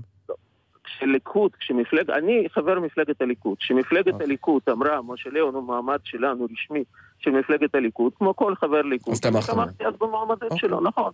אה, כי אנחנו הלכנו על זה כמפלגה. היום כן. יש מועמד מטעם הליכוד שראש הממשלה תומך בו, ראש העיר היוצא תומך בו, ולכן אני חושב שבסופו של דבר, אגב, אני מסתכל מה אומרים כן. ליכודניקים בעיר, כשעשיתי אירוע של הרמת הכוסית, אה, והגיעו זה יהיה חלקים גדולים מאוד מסניף הליכוד לא היו שם. ותומכים. השר אלקין, השר אלקין, תודה רבה על השיחה הזאת. מועמד שמדבר לכל הציבורים, ואני גם מנסה. השר זאב אלקין, תודה רבה לך. עכשיו למהפכה הכלכלית שאולי קורית, או אולי הגל שמתחיל, לפחות יש ירידות בבורסים. דן מרידור, כן. לשעבר שר האוצר, מצטרף אלינו, בוקר שלום. טוב לך. בוקר טוב לכם. ושלום למירב ארלוזורוב, פרשנית בכירה בדה מרקר. יש הר- היו הרבה עניינים כלכליים השבוע, נכון? נגיד חדש, כלכלת בחירות, אבל באמת אולי נתחיל מהנפילות. אם היית שר אוצר עכשיו, דן מרידור, והיית רואה שהבורסות בעולם מתחילות לצנוח, יש איזושהי מגירה עם תוכנית מה עושים? שמא 2008 חוזרת? לא, אני לא חושב שצריך עכשיו לעשות משהו, להיכנס להיסטריה בגלל אה, הירידות. אנחנו איננו יודעים אם זה תיקון אה, קטן או משהו יותר גדול. יכול להיות שיש פה שינוי מגמה. בש... בשנה, שנתיים האחרונות הבורסה עלתה מאוד, אז יכול להיות שהיא מתקנת את עצמה. אני עוד לא רואה את 2008 חוזרת. אני חושב שהמשק שלנו בסך הכל יציב, ואני לא חושב שהוא צריך, יש משהו שברגע זה צריך לעשות. אבל משרד האוצר יש לו אה, סוג של חדר מלחמה, כמו הבור, נניח בקריה, ש, שקורים פתאום אירועים כאלה, מיד מנתחים ואומרים מה אפשר לעשות, כי זה מצטרף לירידות בבורסות בארצות הברית, לירידות בבורסות במזרח, כולל אמירה מאוד חריגה של נשיא ארצות הברית נגד אה, ה-Federal Reserve, שאומר שהם השתגעו. אינני יודע מה עושה היום משרד האוצר, אני לא חושב שצריך להכין חתים מלחמה על כל מילים בשביל התקשורת, בשביל דעת הקהל. יש לך קשרים שם, אני זה- זוכר, משפחתיים היום. אני לא מחבר את הדברים, כל אחד עושה שלו. לא, לא, לא, סתם, בלי לערב ילדים. למי כן. שלא יודע, ראש לא, אגף לא תקציבים. באוצר הוא שאול מרידור, בנו של דן מרידור, זה לא...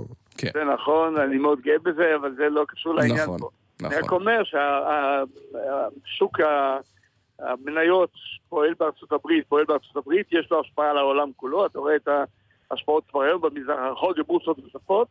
האם זה ישפיע עלינו? מוקדם לומר. אוקיי. אני, ישראל נמצאת במצב של אה, רזרבות אה, טובות, אני חושב שישראל נמצאת במצב שאין לה ברגע זה סיבה לפעול פעולה אה, דרמטית. צריך לשים עין, לפקח, ואני חושב שעושים את זה, אני מקווה כך. מירב ארלוזור אני ו... יכולה רגע, כן, אני כן, יכולה מירב ארלוזור. הערה לגבי שאלתם אותו, אה, החדר מלחמה. אמור להיות חדר מלחמה כזה, יש את אה, הצעת החוק ועדת היציבות הפיננסית, שזה בדיוק מטרתה להיערך לקראת מצבי משבר וגם לפעול בזמן משבר. הצעת החוק הזו מעלה אבק בכנסת, אולי הגיע הזמן שננער את האבק ממנה. יכול להיות, אבל... משרד האוצר לדעתך באירוע מהסוג הזה צריך לבחון לאן זה הולך, והוא צריך להתערב אם, אם זה הולך לכיוון של קריסה, או שבכללי השוק החופשי, משרד האוצר עם כל הכבוד, צריך אה, להסתכל ולראות איך אנחנו פשוט לא מפסידים את החסכונות שלנו. תראה, האירוע שקורה עכשיו זה אירוע שאנחנו מחכים לו עשר שנים, למעשה בדיוק עשר שנים, להזכיר לכולם, נכון. 15 בספטמבר 2008, הקריסה של לימן בראדרס, זה היה כמובן האות למשבר הפיננסי העולמי. אה, הייתה היסטריה כלל עולמית, דם זרם בכל הרחובות של כל השווקים הפיננסיים, וכל הבנקים המרכזיים בעולם הגיבו בתרופה חדשה ששמה ריבית אפס. עכשיו, אוקיי. התרופה הזו הצליחה בבלימת הנפילות, אבל יש לה אה, שתי תופעות לוואי קשות. אה, האחת, השווקים אה, התמכרו לה, ולכן השווקים היו בסוג של אופוריה כבר עשר שנים מהריבית אפס. אוקיי. וכשמתחיל התהליך של השחרור מההתמכרות, אז אנחנו רואים את זה עכשיו, הבנק המרכזי האמריקאי מתחיל לעלות את הריבית, השווקים באמת נתקפים. זה האוויר שיוצא מהבלון, ויכול להיות שזה קורה יותר מדי מהר, אז הבלון עלול להתפוצץ. זה תיאור... אה, אנחנו, תראה, אנחנו, אני אגיד לך מה מחריף את זה עוד יותר, מכיוון שהיינו בעשר שנים של ריבית אפסית. אז גם נוצר מצב של חובות מאוד גדולים, גם של מדינות, גם של חברות וגם של אנשים פרטיים, מה שעוד יותר מחריף את הרגישות לגבי העלאת הריבית. כן. יחד עם זה, ההסכמה הכלכלית העולמית היא שחייבים כבר להתנתק מריבית האפס. זו תרופה מאוד חריפה, אבל- וכנראה צריך לעבור איזשהו סוג של משבר, או שמא משברון. אה, אבל הריבית האחרונה של אה, נגידת אה, בנק ישראל היוצאת, קרינית פלוג, הייתה להשאיר את הריבית בישראל על אפס ולא להעלות אותה. נכון. האם את חושבת שהנגיד כן. החדש שנבחר, הציפייה שלנו שהוא ישנה כיוון? אז א', זה בהחלט אחד האתגרים הגדולים שמונחים לפתחו של פרופסור אמיר ירון. אני מזכירה לכולנו שאמיר ירון, אה, התחום האקדמי שלו הוא תחום של ניהול סיכונים פיננסיים. אגב, עם התמחות ספציפית לניהול סיכונים טכנולוגיים. האיש הנכון כלומר, הוא הנכון. נמצא בחזית הידע העולמית בתחום הזה של ניהול סיכונים מודרניים וחדשניים. יש לו את הכלים לקבל החלטות. אני בהח- בהחלט אנחנו מצפים אה, לשמוע יפה. את אה, דברו, וכאמור, ועדת היציבות הפיננסית היא קריטית. שר האוצר אה, אה, לשעבר דן מרידור, אבל זה נופל עלינו בעיתוי לא טוב, ואפילו עם הבורסה עכשיו, זה, זה תיקון רגעי, הרושם הוא שהעיתוי הוא לא טוב, אנחנו בדרך לבחירות, כל אה, אחד רוצה לשחרר את החגורה. האם אה, אתה מרגיש שמשהו בכלכלת ישראל קצת משתחרר? אלה שני נושאים שונים. אה, העניין של המשבר העולמי, אם אנחנו בתחילתו, האם יהיה משבר ממש או לא, כמו שמירב אמרה, דברים צפוי שיהיה תיקון, באמת המצב היה אנומלי במשך הרבה זמן, אנחנו לא יודעים מה עוצמתו, ובאמת אני לא הייתי מזדרז לקבל החלטות אה, דרמטיות בעניין זה. אני, זה דבר אחד, אני מקווה שהנגיד החדש, אני אינני מכיר אותו, אה, פרט לזה שהוא לא היה בארץ 20 שנה, שזה... מה דעתך על זה אגב? מה דעתך על זה אגב? אני יכול להגיד שכאשר אה, מביאים אדם ארצה, אני תמיד שמח, אם מביאים אדם ארצה שירד מפה על מנת שיהיה נגיד, אני, יש לי, הייתה לי הערה לגבי זה, אבל אנחנו אחרי זה, אני מקווה שהאיש הוא איש טוב. מה זה טוב? הוא צריך להבין, קודם כל, בכלכלת ישראל ובמקרו-כלכלה, פחות בדברים אה, במיקרו, פה מדברים על מקרו, אני מקווה, אני מניח שהוא מבין בזה, ויש לו עוד תכונה אחת שהיא קריטית. היכולת לומר לממשלה מה שהיא לא רוצה לשמוע. כי uh, תפקיד הנגיד הוא לא רק ניהול המדיניות המוניטרית, שאני מניח שהוא מבין בזה, אני, אני יודע, ואני, התפקיד השני הוא היועץ הכלכלי לממשלה, שהממשלה עושה דברים שהם בסדר, על ליבה דכולי עלמא אין בעיה. שהממשלה, מטעמים שאתה הזכרת, למשל בחירות, למשל פוליטיקה אחרת, או מהשקפה לא נכונה, עושה צעדים כלכליים שהם מזיקים, וכבר היינו במצבים נוראים כאלה, שהמשק הישראלי כמעט קרס בשנות 80, עם אינפלציה נוראה וכן הלאה, אז תפקיד הנגיד הוא קריטי, לעמוד ולומר לממשלה באומץ ובסמכות ציבורית, סמכות מקצועית, לומר, לא כך עושים, עושים אחרת. כן. או תעשו כך, אם מדובר על עניין פיסקלי, כלומר תקציב, או לתקן, לרפורמות, לתקן את הדברים של הפוליטיקאים לפעמים. יש לי שאלה אליך וגם אלייך, מירב. לכן מיד, עוד שנייה אחת, לכן יש לנגיד מה שקוראים עצמאות. עצמאות הבנק המרכזי זה, זה כלי חשוב, בעולם כולו זה מקובל.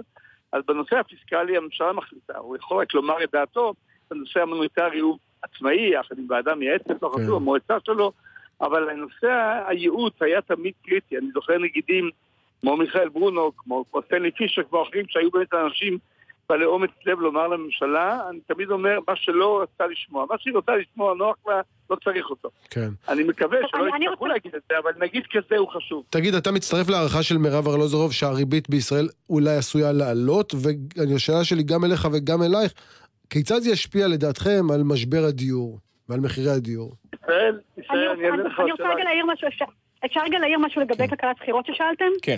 אה, אנחנו בדיוק עשר שנים למשבר, ובדיוק הסתכלנו אחורה וניתחנו את מה עשינו נכון ולא נכון במשבר ב-2008. עשינו אז מאוד נכון שני דברים. אחד, לא הגבנו בהיסטריה, ולא מיהרנו לקבל החלטות אה, אה, באמת היסטריות ולא לא, לא נחוצות. שתיים, נכנסנו למשבר במצב מצוין, מכיוון שהיינו בכלכלה מאוזנת ובלי גירעון. ישראל היום נמצאת במצב אחר, יש לנו גירעון של שלושה אחוזים, ובלי סיבה, רק בגלל כלכלת בחירות, שמנהיגים גם ראש הממשלה וגם שר האוצר משה כחלון, בזה היום אנחנו פחות ערוכים למשבר. כן, דן ולגמרי, מרידור. זה לא שלא צורך. שני דברים. לדבר שאמרה עכשיו אה, מירב, אני מסכים לחלוטין, אני מדבר על זה כל הזמן. החובה לשמור על תקציב מאוזן ברורה לכל מי- אחד מאיתנו בבית שלו. לא נכנס לגירעונות, כי הגירעון זה לא מקור מימון, בסוף אתה תיפול. ולכן אסור לשמור על גירעונות. אנחנו, ישראל בסך הכל ב-30 השנה האחרונות, מהם תשעור 80 שומרת בסך הכל על, על גירעון נמוך, אפילו על עודף לפעמים, על יציבות. בזמן האחרון יש תחושה של היתר, היתר רצועה, זה לא טוב. אני מסכים עם זה, עדיין זה לא דרמה גדולה, אבל בהחלט צריך לשמור על זה. אה, לא רק בשלושה אחוז של הסכם מסטיק נציג, אני חושב שבזה רב צודקת. לגבי העובדה שהריבית, אה, אגב, גם אני מסכים שב-2008 צריך להגיד מילה טובה למי שאיננו איתנו היום, הוא לא, לא מצאתי אותו לשידור, אה, שר האוצר ברון אז, הממשלה נקטה במדיניות אה, רצינית ואחראית ולא נכנסה להיסטריה. לגבי הריבית, צריך להבין, אנחנו לא חיים באוטרקיה. ישראל היא חלק מהעולם. הכלכלה הישראלית משולבת היטב בעידן הגלובליזציה, אי אפשר לנהל מדיניות ריבית משלך. אה, אם הריבית בעולם תעלה, היא גם תעלה בישראל. אה, אי אפשר לשמור על אה, ריבית נפרדת, זה, זה, זה אשליה. ואם באמת תהיה עלייה, תהיה עלייה. האנומליה שאין ריבית באמת לא כתובה בטקסטבוק. בספרי ה... בספרי ה... נכון. הספר הקלאסי של דן פטנקין זה money, interest and prices, כסף וריבית ומחירים, הכל קשור, אה, כשאין ריבית, כשהכסף לא עולה, זה עולם שלא הכרנו, אני לא הכרתי אותו תיאורטית, ובאמת הוא לא דבר שיכול להימשך לאורך זמן, אז לכן סביר שיהיה תיקון, האם הוא יהיה מהיר, מיידי, איטי, אני חושב שצריך להיזהר, ב, ב, לא צריך להיכנס להיסטריה, בסך הכל מצבנו טוב, צריך לשמור בזמן בחירות, לא להיכנס לגירעון, צריך כן אומץ לעשות רפורמות שקשה לעשות אותן. הדברים האלה לא השתנו. אם הנגיד החדש ידע לעמוד על הדברים האלה ולשמור גם חס וחלילה מפני אינפלציה, אם נגיע לזה, אז הוא יעשה את תפקידו היטב. יפה. דן מרידור, מירב ארלוזורוב, אה, תודה רבה לשניכם. תודה רבה. שלא, שלא נזדקק, כמו שאומרים. תמכור. כן, תמכור. מכרתי את הכל. אה, זמרירים, חסויות, נשוב מיד. אה, דקל סגל פה עם סגל סגל, עמית סגל ואני, השעה 10:39, יש דיווחים שמגיעים מהדרום על יירוט של רקטה מעל נתיבות, אנחנו כמובן עוקבים כל הזמן לראות עם, מה אפשר לומר. אה, רמי שני, כתבנו בדרום, מה קורה? מה המצב? זה יירוט בודד או שזה תחילתו של מטח? אנחנו יודעים לאן זה הולך או שאנחנו רק אה, מנחשים? בוקר טוב אה, לשניכם, לפי מה שאני שומע מתושבים ואנשים בעלי תפקידים שמתגוררים באזור, היה אכן יירוט של איזשהו חפץ, לא ברור כרגע של מה, וזה בעקבות השמעה של התרעת צבע אדום. רגע, מה זה חפץ? זה יכול להיות בלון? זהו. או שזה מדובר בטיל, רקטה, שזה לא ברור. מיד, מיד אני אגיע. לא ברור, לא ברור כרגע מה יורט. יודעים שמערכת אה, כיפת ברזל הופעלה וכרגע בודקים כי אה, יש אפשרות שירתו איזשהו חפץ אחר ונמצא ממש אה, בבדיקה ענן? בדקות האלה. או, אולי מל"ט. מל"ט. אה. מזל"ט. כן, כל, כל פריט שיוצא מרצועת עזה... לא, אבל, אבל רמי, זה דבר מעניין. מה, כיפת ברזל יכולה לזהות בלונים וליירט אותם? יודע שהיא לא אמורה ליירט אותם, אבל היא, אמורה, היא יכולה לזהות אותם בכלל? היא יכולה לחשוד שזה טיל? זה, זה לא מתקדם באותו קצב? זה לא, לא נשמע דומה כל כך. אנחנו עדיין לא שם, זה נכון. העניין הוא של נבדק בדיוק מה יורט. כלומר, יודעים שהמערכת אה, הופעלה והרתה איזשהו, פגעה באיזשהו משהו, הופעלה והתפוצצה, זה גרם ל... הפיצוץ נשמע אה, אה, בכל האזור של אה, נתיבות וממערב לו.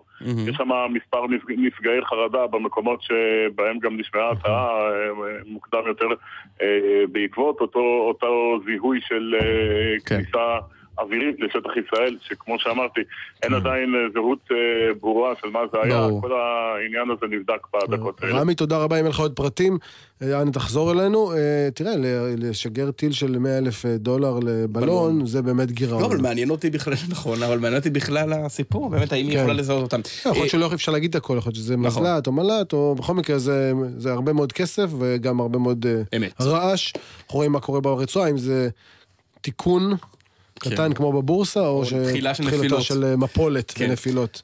אה, פולי ברונשטיין היא מנכ"לית תנועת אה, דרכנו, בוקר טוב לך. בוקר טוב, עמית, אודי. אתם מארגני העצרת. אה, העצרת ל... לזכרו של ראש הממשלה... אה, שמציינת את רצח ראש את הממשלה. רצח ראש הממשלה יצחק רבין, שנרצח לפני 23 שנה, וואו.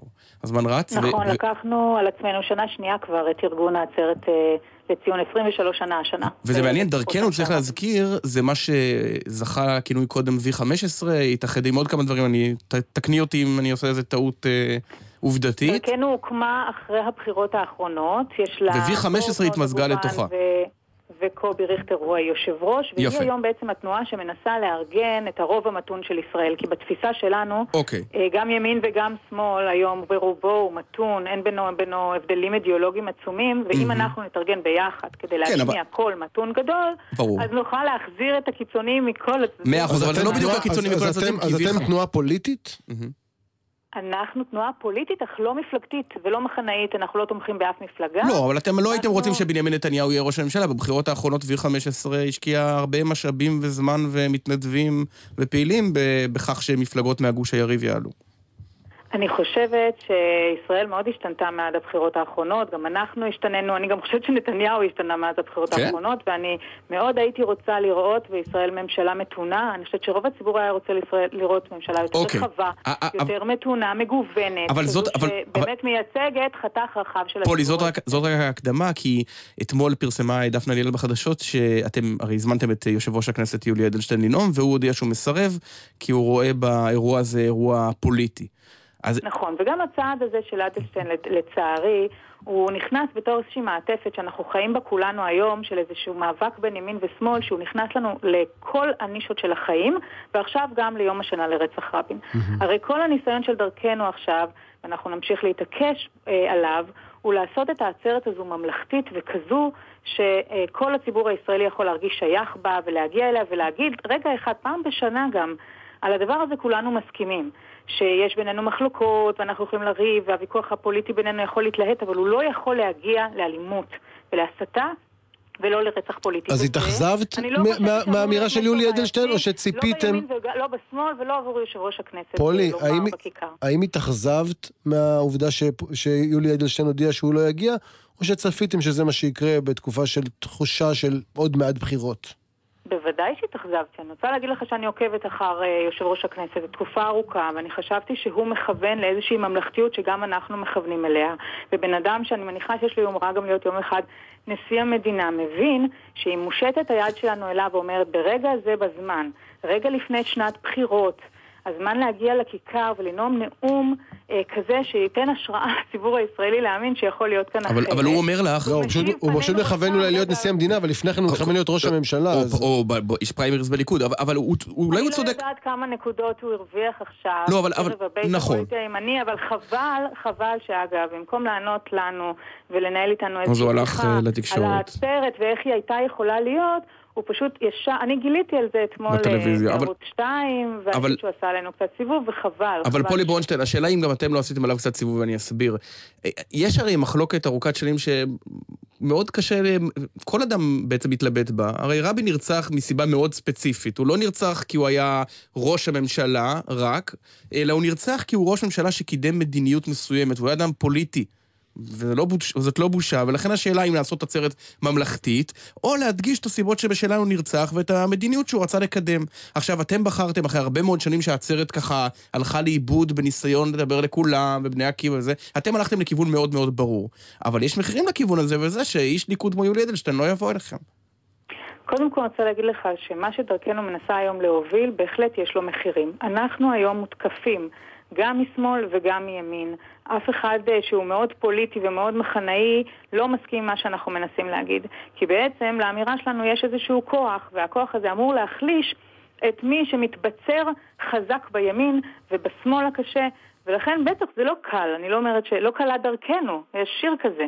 אה, אבל אנחנו נמשיך ונתעקש לעשות עצרת שהיא מאוזנת, שהיא ממלכתית, שהיא מתונה, שיש לה מסר לכל ישראלי שאומר, זה היה רגע שפל לפני 23 שנה כשנרצח אה, ראש ממשלה על רקע פוליטי, ומאז אני רוצה להגיד, לא עלינו בחזרה על הפסים שאנחנו אמורים לעלות, הפוליטיקה שלנו רק הולכת ומתפלגת, היא מקטבת, היא אגב לא מאפשרת לקדם את ישראל קדימה. במקום ללכת ולחפש על מה ימין ושמאל בישראל יכולים להסכים ולחוקק חוקים ברוח הזו ולבחור במדיניות ברוח הזו, okay. כל הזמן זה משחק סכום אפס. הזמנתם את נתניהו? על הממשלה הזאת, גם הממשלה הזאת היא ממשלה של אה, ממשלת סכום אפס. אני לא רוצה להתעסק בנתניהו, אני כן. שואלת את עצמי ואת הציבור ואת המאזינים. וגם בעצרת רבין, אני רוצה שאנשים יחשבו על זה ככה. איזו ממשלה יכולה להיות כאן, השנה הולכים לשנת בחירות, שמייצגת חתך רחב ככל האפשר של הציבור הישראלי, שזה לא ימין נגד שמאל, שזה לא אם אני מנצחת מישהו אחר חייב להפסיד. והעצרת ככה זה בבחירות, לצערי אה, פוליטיקאים? משתמשים בה ככה, בשביל להשיג נקודות, כדי לגרום למישהו אחר לאבד נקודות. והצעד של אדלסון, אגב, הוא, הוא מצער, אבל הוא לא ימנע מהעצרת הזאת השנה להיות עצרת חזקה מאוד, עם מסר חזק מאוד, כמו שאמרתי, מאוזן, עם אנשי מרכז. מאוזן, אבל אני, בבחירות, אתם לא לא- לא תתערבו בבחירות הפעם? לא נתערב בבחירות? מה הכוונה? אנחנו- התנדבות, לעבור לנו- מבית לבית, לתמוך תמליצו לה- על מועמד נגד מסוים. הממשלה, להצביע למפלגות מגוש אה, המרכז-שמאל. לא להצביע למפלגות מהימין. לדרכנו יש אג'נדה פוליטית, מעולה. לא מפלגתית, אבל יש לה אג'נדה פוליטית. אה, תקופת בחירות היא תקופה שאני חושבת שכל מי שרוצה לקדם את אוקיי. ישראל לאן שהוא רוצה להשפיע עליה, בוודאי שאני רוצה להשפיע, אני יכולה להבטיח לך שלא תצליח אה, לאתר בקמפיין הבחירות שלנו הקרוב. אה, בעד מי אנחנו ונגד אה, מי. אוקיי. אנחנו אבל ננסה. ננסה. רוני ברונשטיין, אה, תודה מנכ"לית רבה. תודה רבה. תודה לכם. תודה רבה. אה, רק אה, נאמר שהמידע? שמגיע לנו שההזעקה הייתה אזעקת שווא. אז בעצם לא כלומר, הראית כלום, כיפת ברזל לא הראתה כלום, היא לא הראתה היא. שוגרה ולא פגעה בדבר. ולא פגע בדבר, אבל היא כן שוגרה. כן. אז הוצאנו סכום גדול של... אבל זה קורה, מדי קורה. פעם. שיגור- אה, זיהוי שגוי קוראים לזה, או שיגור ש- שגוי. עכשיו אדם מהיישוב עם מקצוע מסקרן מאוד, אתה מקועקע? לא. לא. כל כך מפתיע, נראה לי כן? אדם כל כך פרוע. נכון? כן, אז הפתעת אותי. אבל הדר שחר פשוט. כואב- פשוט כואב. נכון, מקעקעת מרמת גן, שלום. שלום, אהלן. מה שלומך? בסדר גמור. כשהיית קטנה וציירת ציורים בגן, אמרת, וואי, אני רוצה להיות מקעקעת, או שהתגלגלת לזה? אה, התגלגלתי, זה התחיל באמת בציור, אה, ציור בלתי פוסק, פחות או יותר. אה, ודי מהר האמת זה הגיע לאהבה לתחום. כאילו, מתי עשית את ש- הקעקוע הראשון שלך? בגיל 14. קעקעתי פעם ראשונה. יש מקעקע שהוא לא מקועקע? זאת אומרת, יש אדם אחד שמקעקע אנשים אחרים שהוא אין עליו כלום, או שאין דבר כזה? יש, כן, כן, לגמרי יש. יש בתחום גם בארץ, גם בחו"ל. יש אנשים כאלה שהם בתוך התחום מאוד עמוק ומאוד מאוד מוכשרים, ופשוט אין עליהם אפילו קעקוע והם לא מכירים את ההרגשה הזאת של המסה. עכשיו תראי, מעבר ל... ל... יש איסור הלכתי על זה, מישהו שמקפיד, אבל א- אותי בכלל מעבר לזה היה מפחיד משהו אחר. אני היום בן אה, 17 או 22 או 30, ונורא בא לי לקעקע איזה שם של אה, להקה. אבל אולי עוד בעוד אוקיי. ארבע שנים אני לא אוהב אותה, ועד סוף חיי אני אשא על עצמי את הדבר הזה.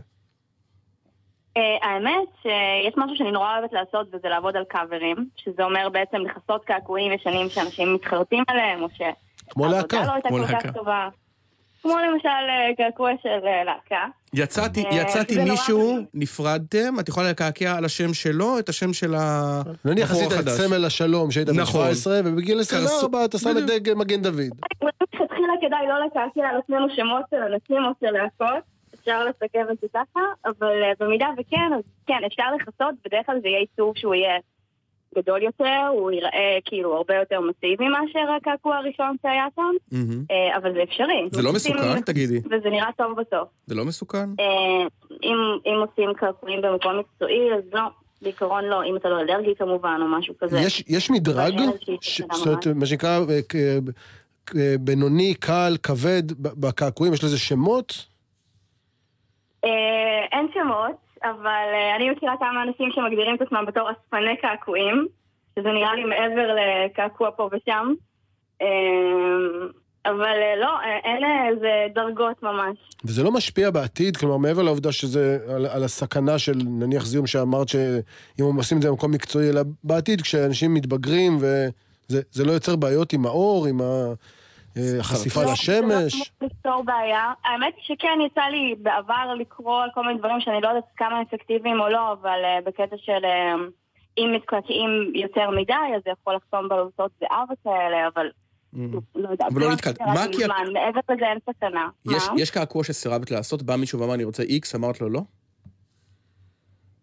יש קעקועים שאני לרוב מסרבת לעשות, זה קעקועים שאנשים באים ונורא נורא מתעקשים על לעשות קעקוע שהוא מועתק בעצם, מסוג של מישהו אחר, וזה אני לא מסכימה. אה, את דורשת רק את שלך. זאת אומרת, אם אני אבוא אליך וארצה איזה כתובת או משהו, את לא תתני כי את, את בציורים שלך. אה, אין לי בעיה לצייר משהו שהוא חדש, אבל אני לא אעתיק משהו, לא, אני לא אעתיק עיצוב שהוא מישהו אחר עיצב אותו, זה- ואחד לאחד. כמה זה עולה? זה נורא תלוי. זה נורא תלוי בזמן עבודה, זה נורא תלוי יקר, בעיצוב, הכי יקר. הכי יקר. הכי יקר, אה, בעיקרון, שוב, קשה לתמחר. אפשר להגיד, פחות או יותר, לרוב שעת עבודה של מקעקע היא בין 400 ל-600 שקלים ברוב המקומות בארץ. אה, ומעבר לזה זה כמה זמן שאתה רוצה להתקעקע. אם אתה הולך לקעקע את כל הגוף, זה ייקח די הרבה שעות. ונניח קעקוע, מה, מה הכי נפוץ? או שאין דבר כזה כבר? יש כל מיני קעקועים שנפוצים. אה, הרבה אנשים נורא אוהבים לקעקע פרחים. דולפין, פרפר. אלמנה שחורה. האמת שיש לי אלמנה שחורה עליי. לכן שאלתי. יפה. קעקוע הראשון שלי אפילו. יש עלייה בביקוש? ירידה או יציבות? יש עלייה בשנים האחרונות לדעתי, יש ממש עלייה, יש הרבה יותר מקעקעים מבעבר. הרבה אנשים שעושים את הקעקוע הראשון שלהם בגיל הרבה יותר מבוגר ממה שהיית מצפה, שזה נורא מגניב בעיניי.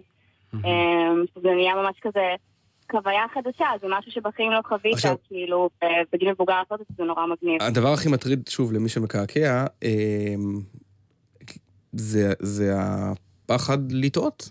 זאת אומרת, את יודעת, כשאת כותבת מסמך וורד, אז את יכולה למחוק, את יכולה לשים טיפקס אם את כותבת בעט, אבל בקעקוע, אם פידחת, זהו, לכל החיים. נכון. אה, כן, נכון. הייתי, כאילו, לרוב, אה, כל עוד אתה באמת יודע מה אתה עושה, אז אם תהיה איזושהי טעות קטנה, זה משהו שלא יהיה כל כך קשה לעבור עליו קצת ולתקן ולשפר. כמובן שאם אתה הולך למישהו שאתה לא בדיוק יודע מה היכולות שלו, אז יש סיכוי יותר גבוה שתקבל טעויות יותר גדולות ויותר משמעותיות. אני אסיים אותך בשאלה שש- עמיתי דני סידס, רדיו תל אביב, תמיד שואל, תגידי, אפשר לחיות מזה? מה זאת אומרת לחיות עם זה? כסף. אפשר להתפרנס מזה או שזה תחביב? לא, אפשר להתפרנס מזה אם אתה עובד קשה. אני עובדת המון שעות ביום. אני עובדת בסטודיו ב- בתל אביב, ואנחנו עובדים תשע שעות כל יום, אה, שישי אומנם קצת פחות, אבל כאילו, כן. זה עובדים הרבה, ובסופו של דבר כן, אפשר. יפה. הדר שחר, מקעקעת. תודה רבה. תודה רבה. תודה לכם. טוב. תודה רבה, עמית. אנחנו סיימנו. כן. תודה, ערך אודי. אותנו אילן ליאור. אה, הפיקו גל ויצנר ושיר עזרף. אפרים קרני על הביצוע הטכני. עורך הדיגיטל הוא יובל נפתלייב. ואחרינו אה, מצד שני, ניצן הורוביץ ויועז הנדל. אנחנו נשוב בשבוע הבא, ירון דקל ישוב לכאן. אולי כן, אתם דקל מוזמנים דקל. להאזין גם לתוכנית באתר האינטרנט של גל"צ, www.glz.co.il. עמית, אה, יום טוב. תודה רבה, שבת שלום, להתראות. אודי. אהובתי, הקשיבי אל העפרוני, מאיר היום, אנחנו כאן חיים. עוד יום אחד בדרך כשאת לצידי, איך זה נגמר, בסוף כולם יודעים, כן, כולם יודעים. היום הזה חולף כמעט כמו כל יום, ולפעמים אנחנו כל כך עייפים. אני כועס ואת בוכה דמעה, ויש לחזור ולאסוף את הרסיסים. אחרי כל זה אולי נפליג לאיזה אי, על קו החוף ישוטטו הילדים. שושן אדום אני אקטוף לי שערב, כשמעלינו חופה של כוכבים. אהובתי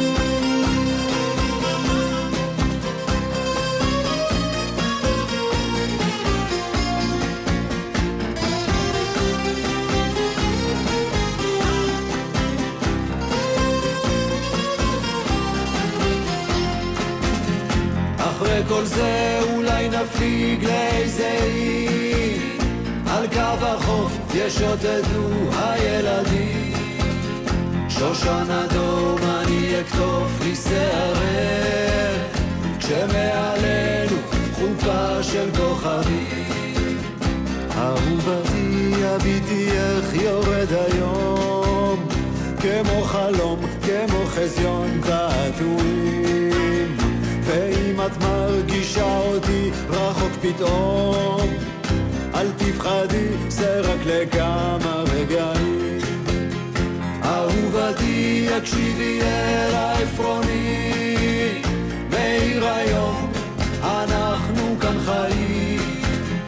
עוד יום אחד בדרך שאת לצידי, איך זה נגמר, בסוף כולם יודעים.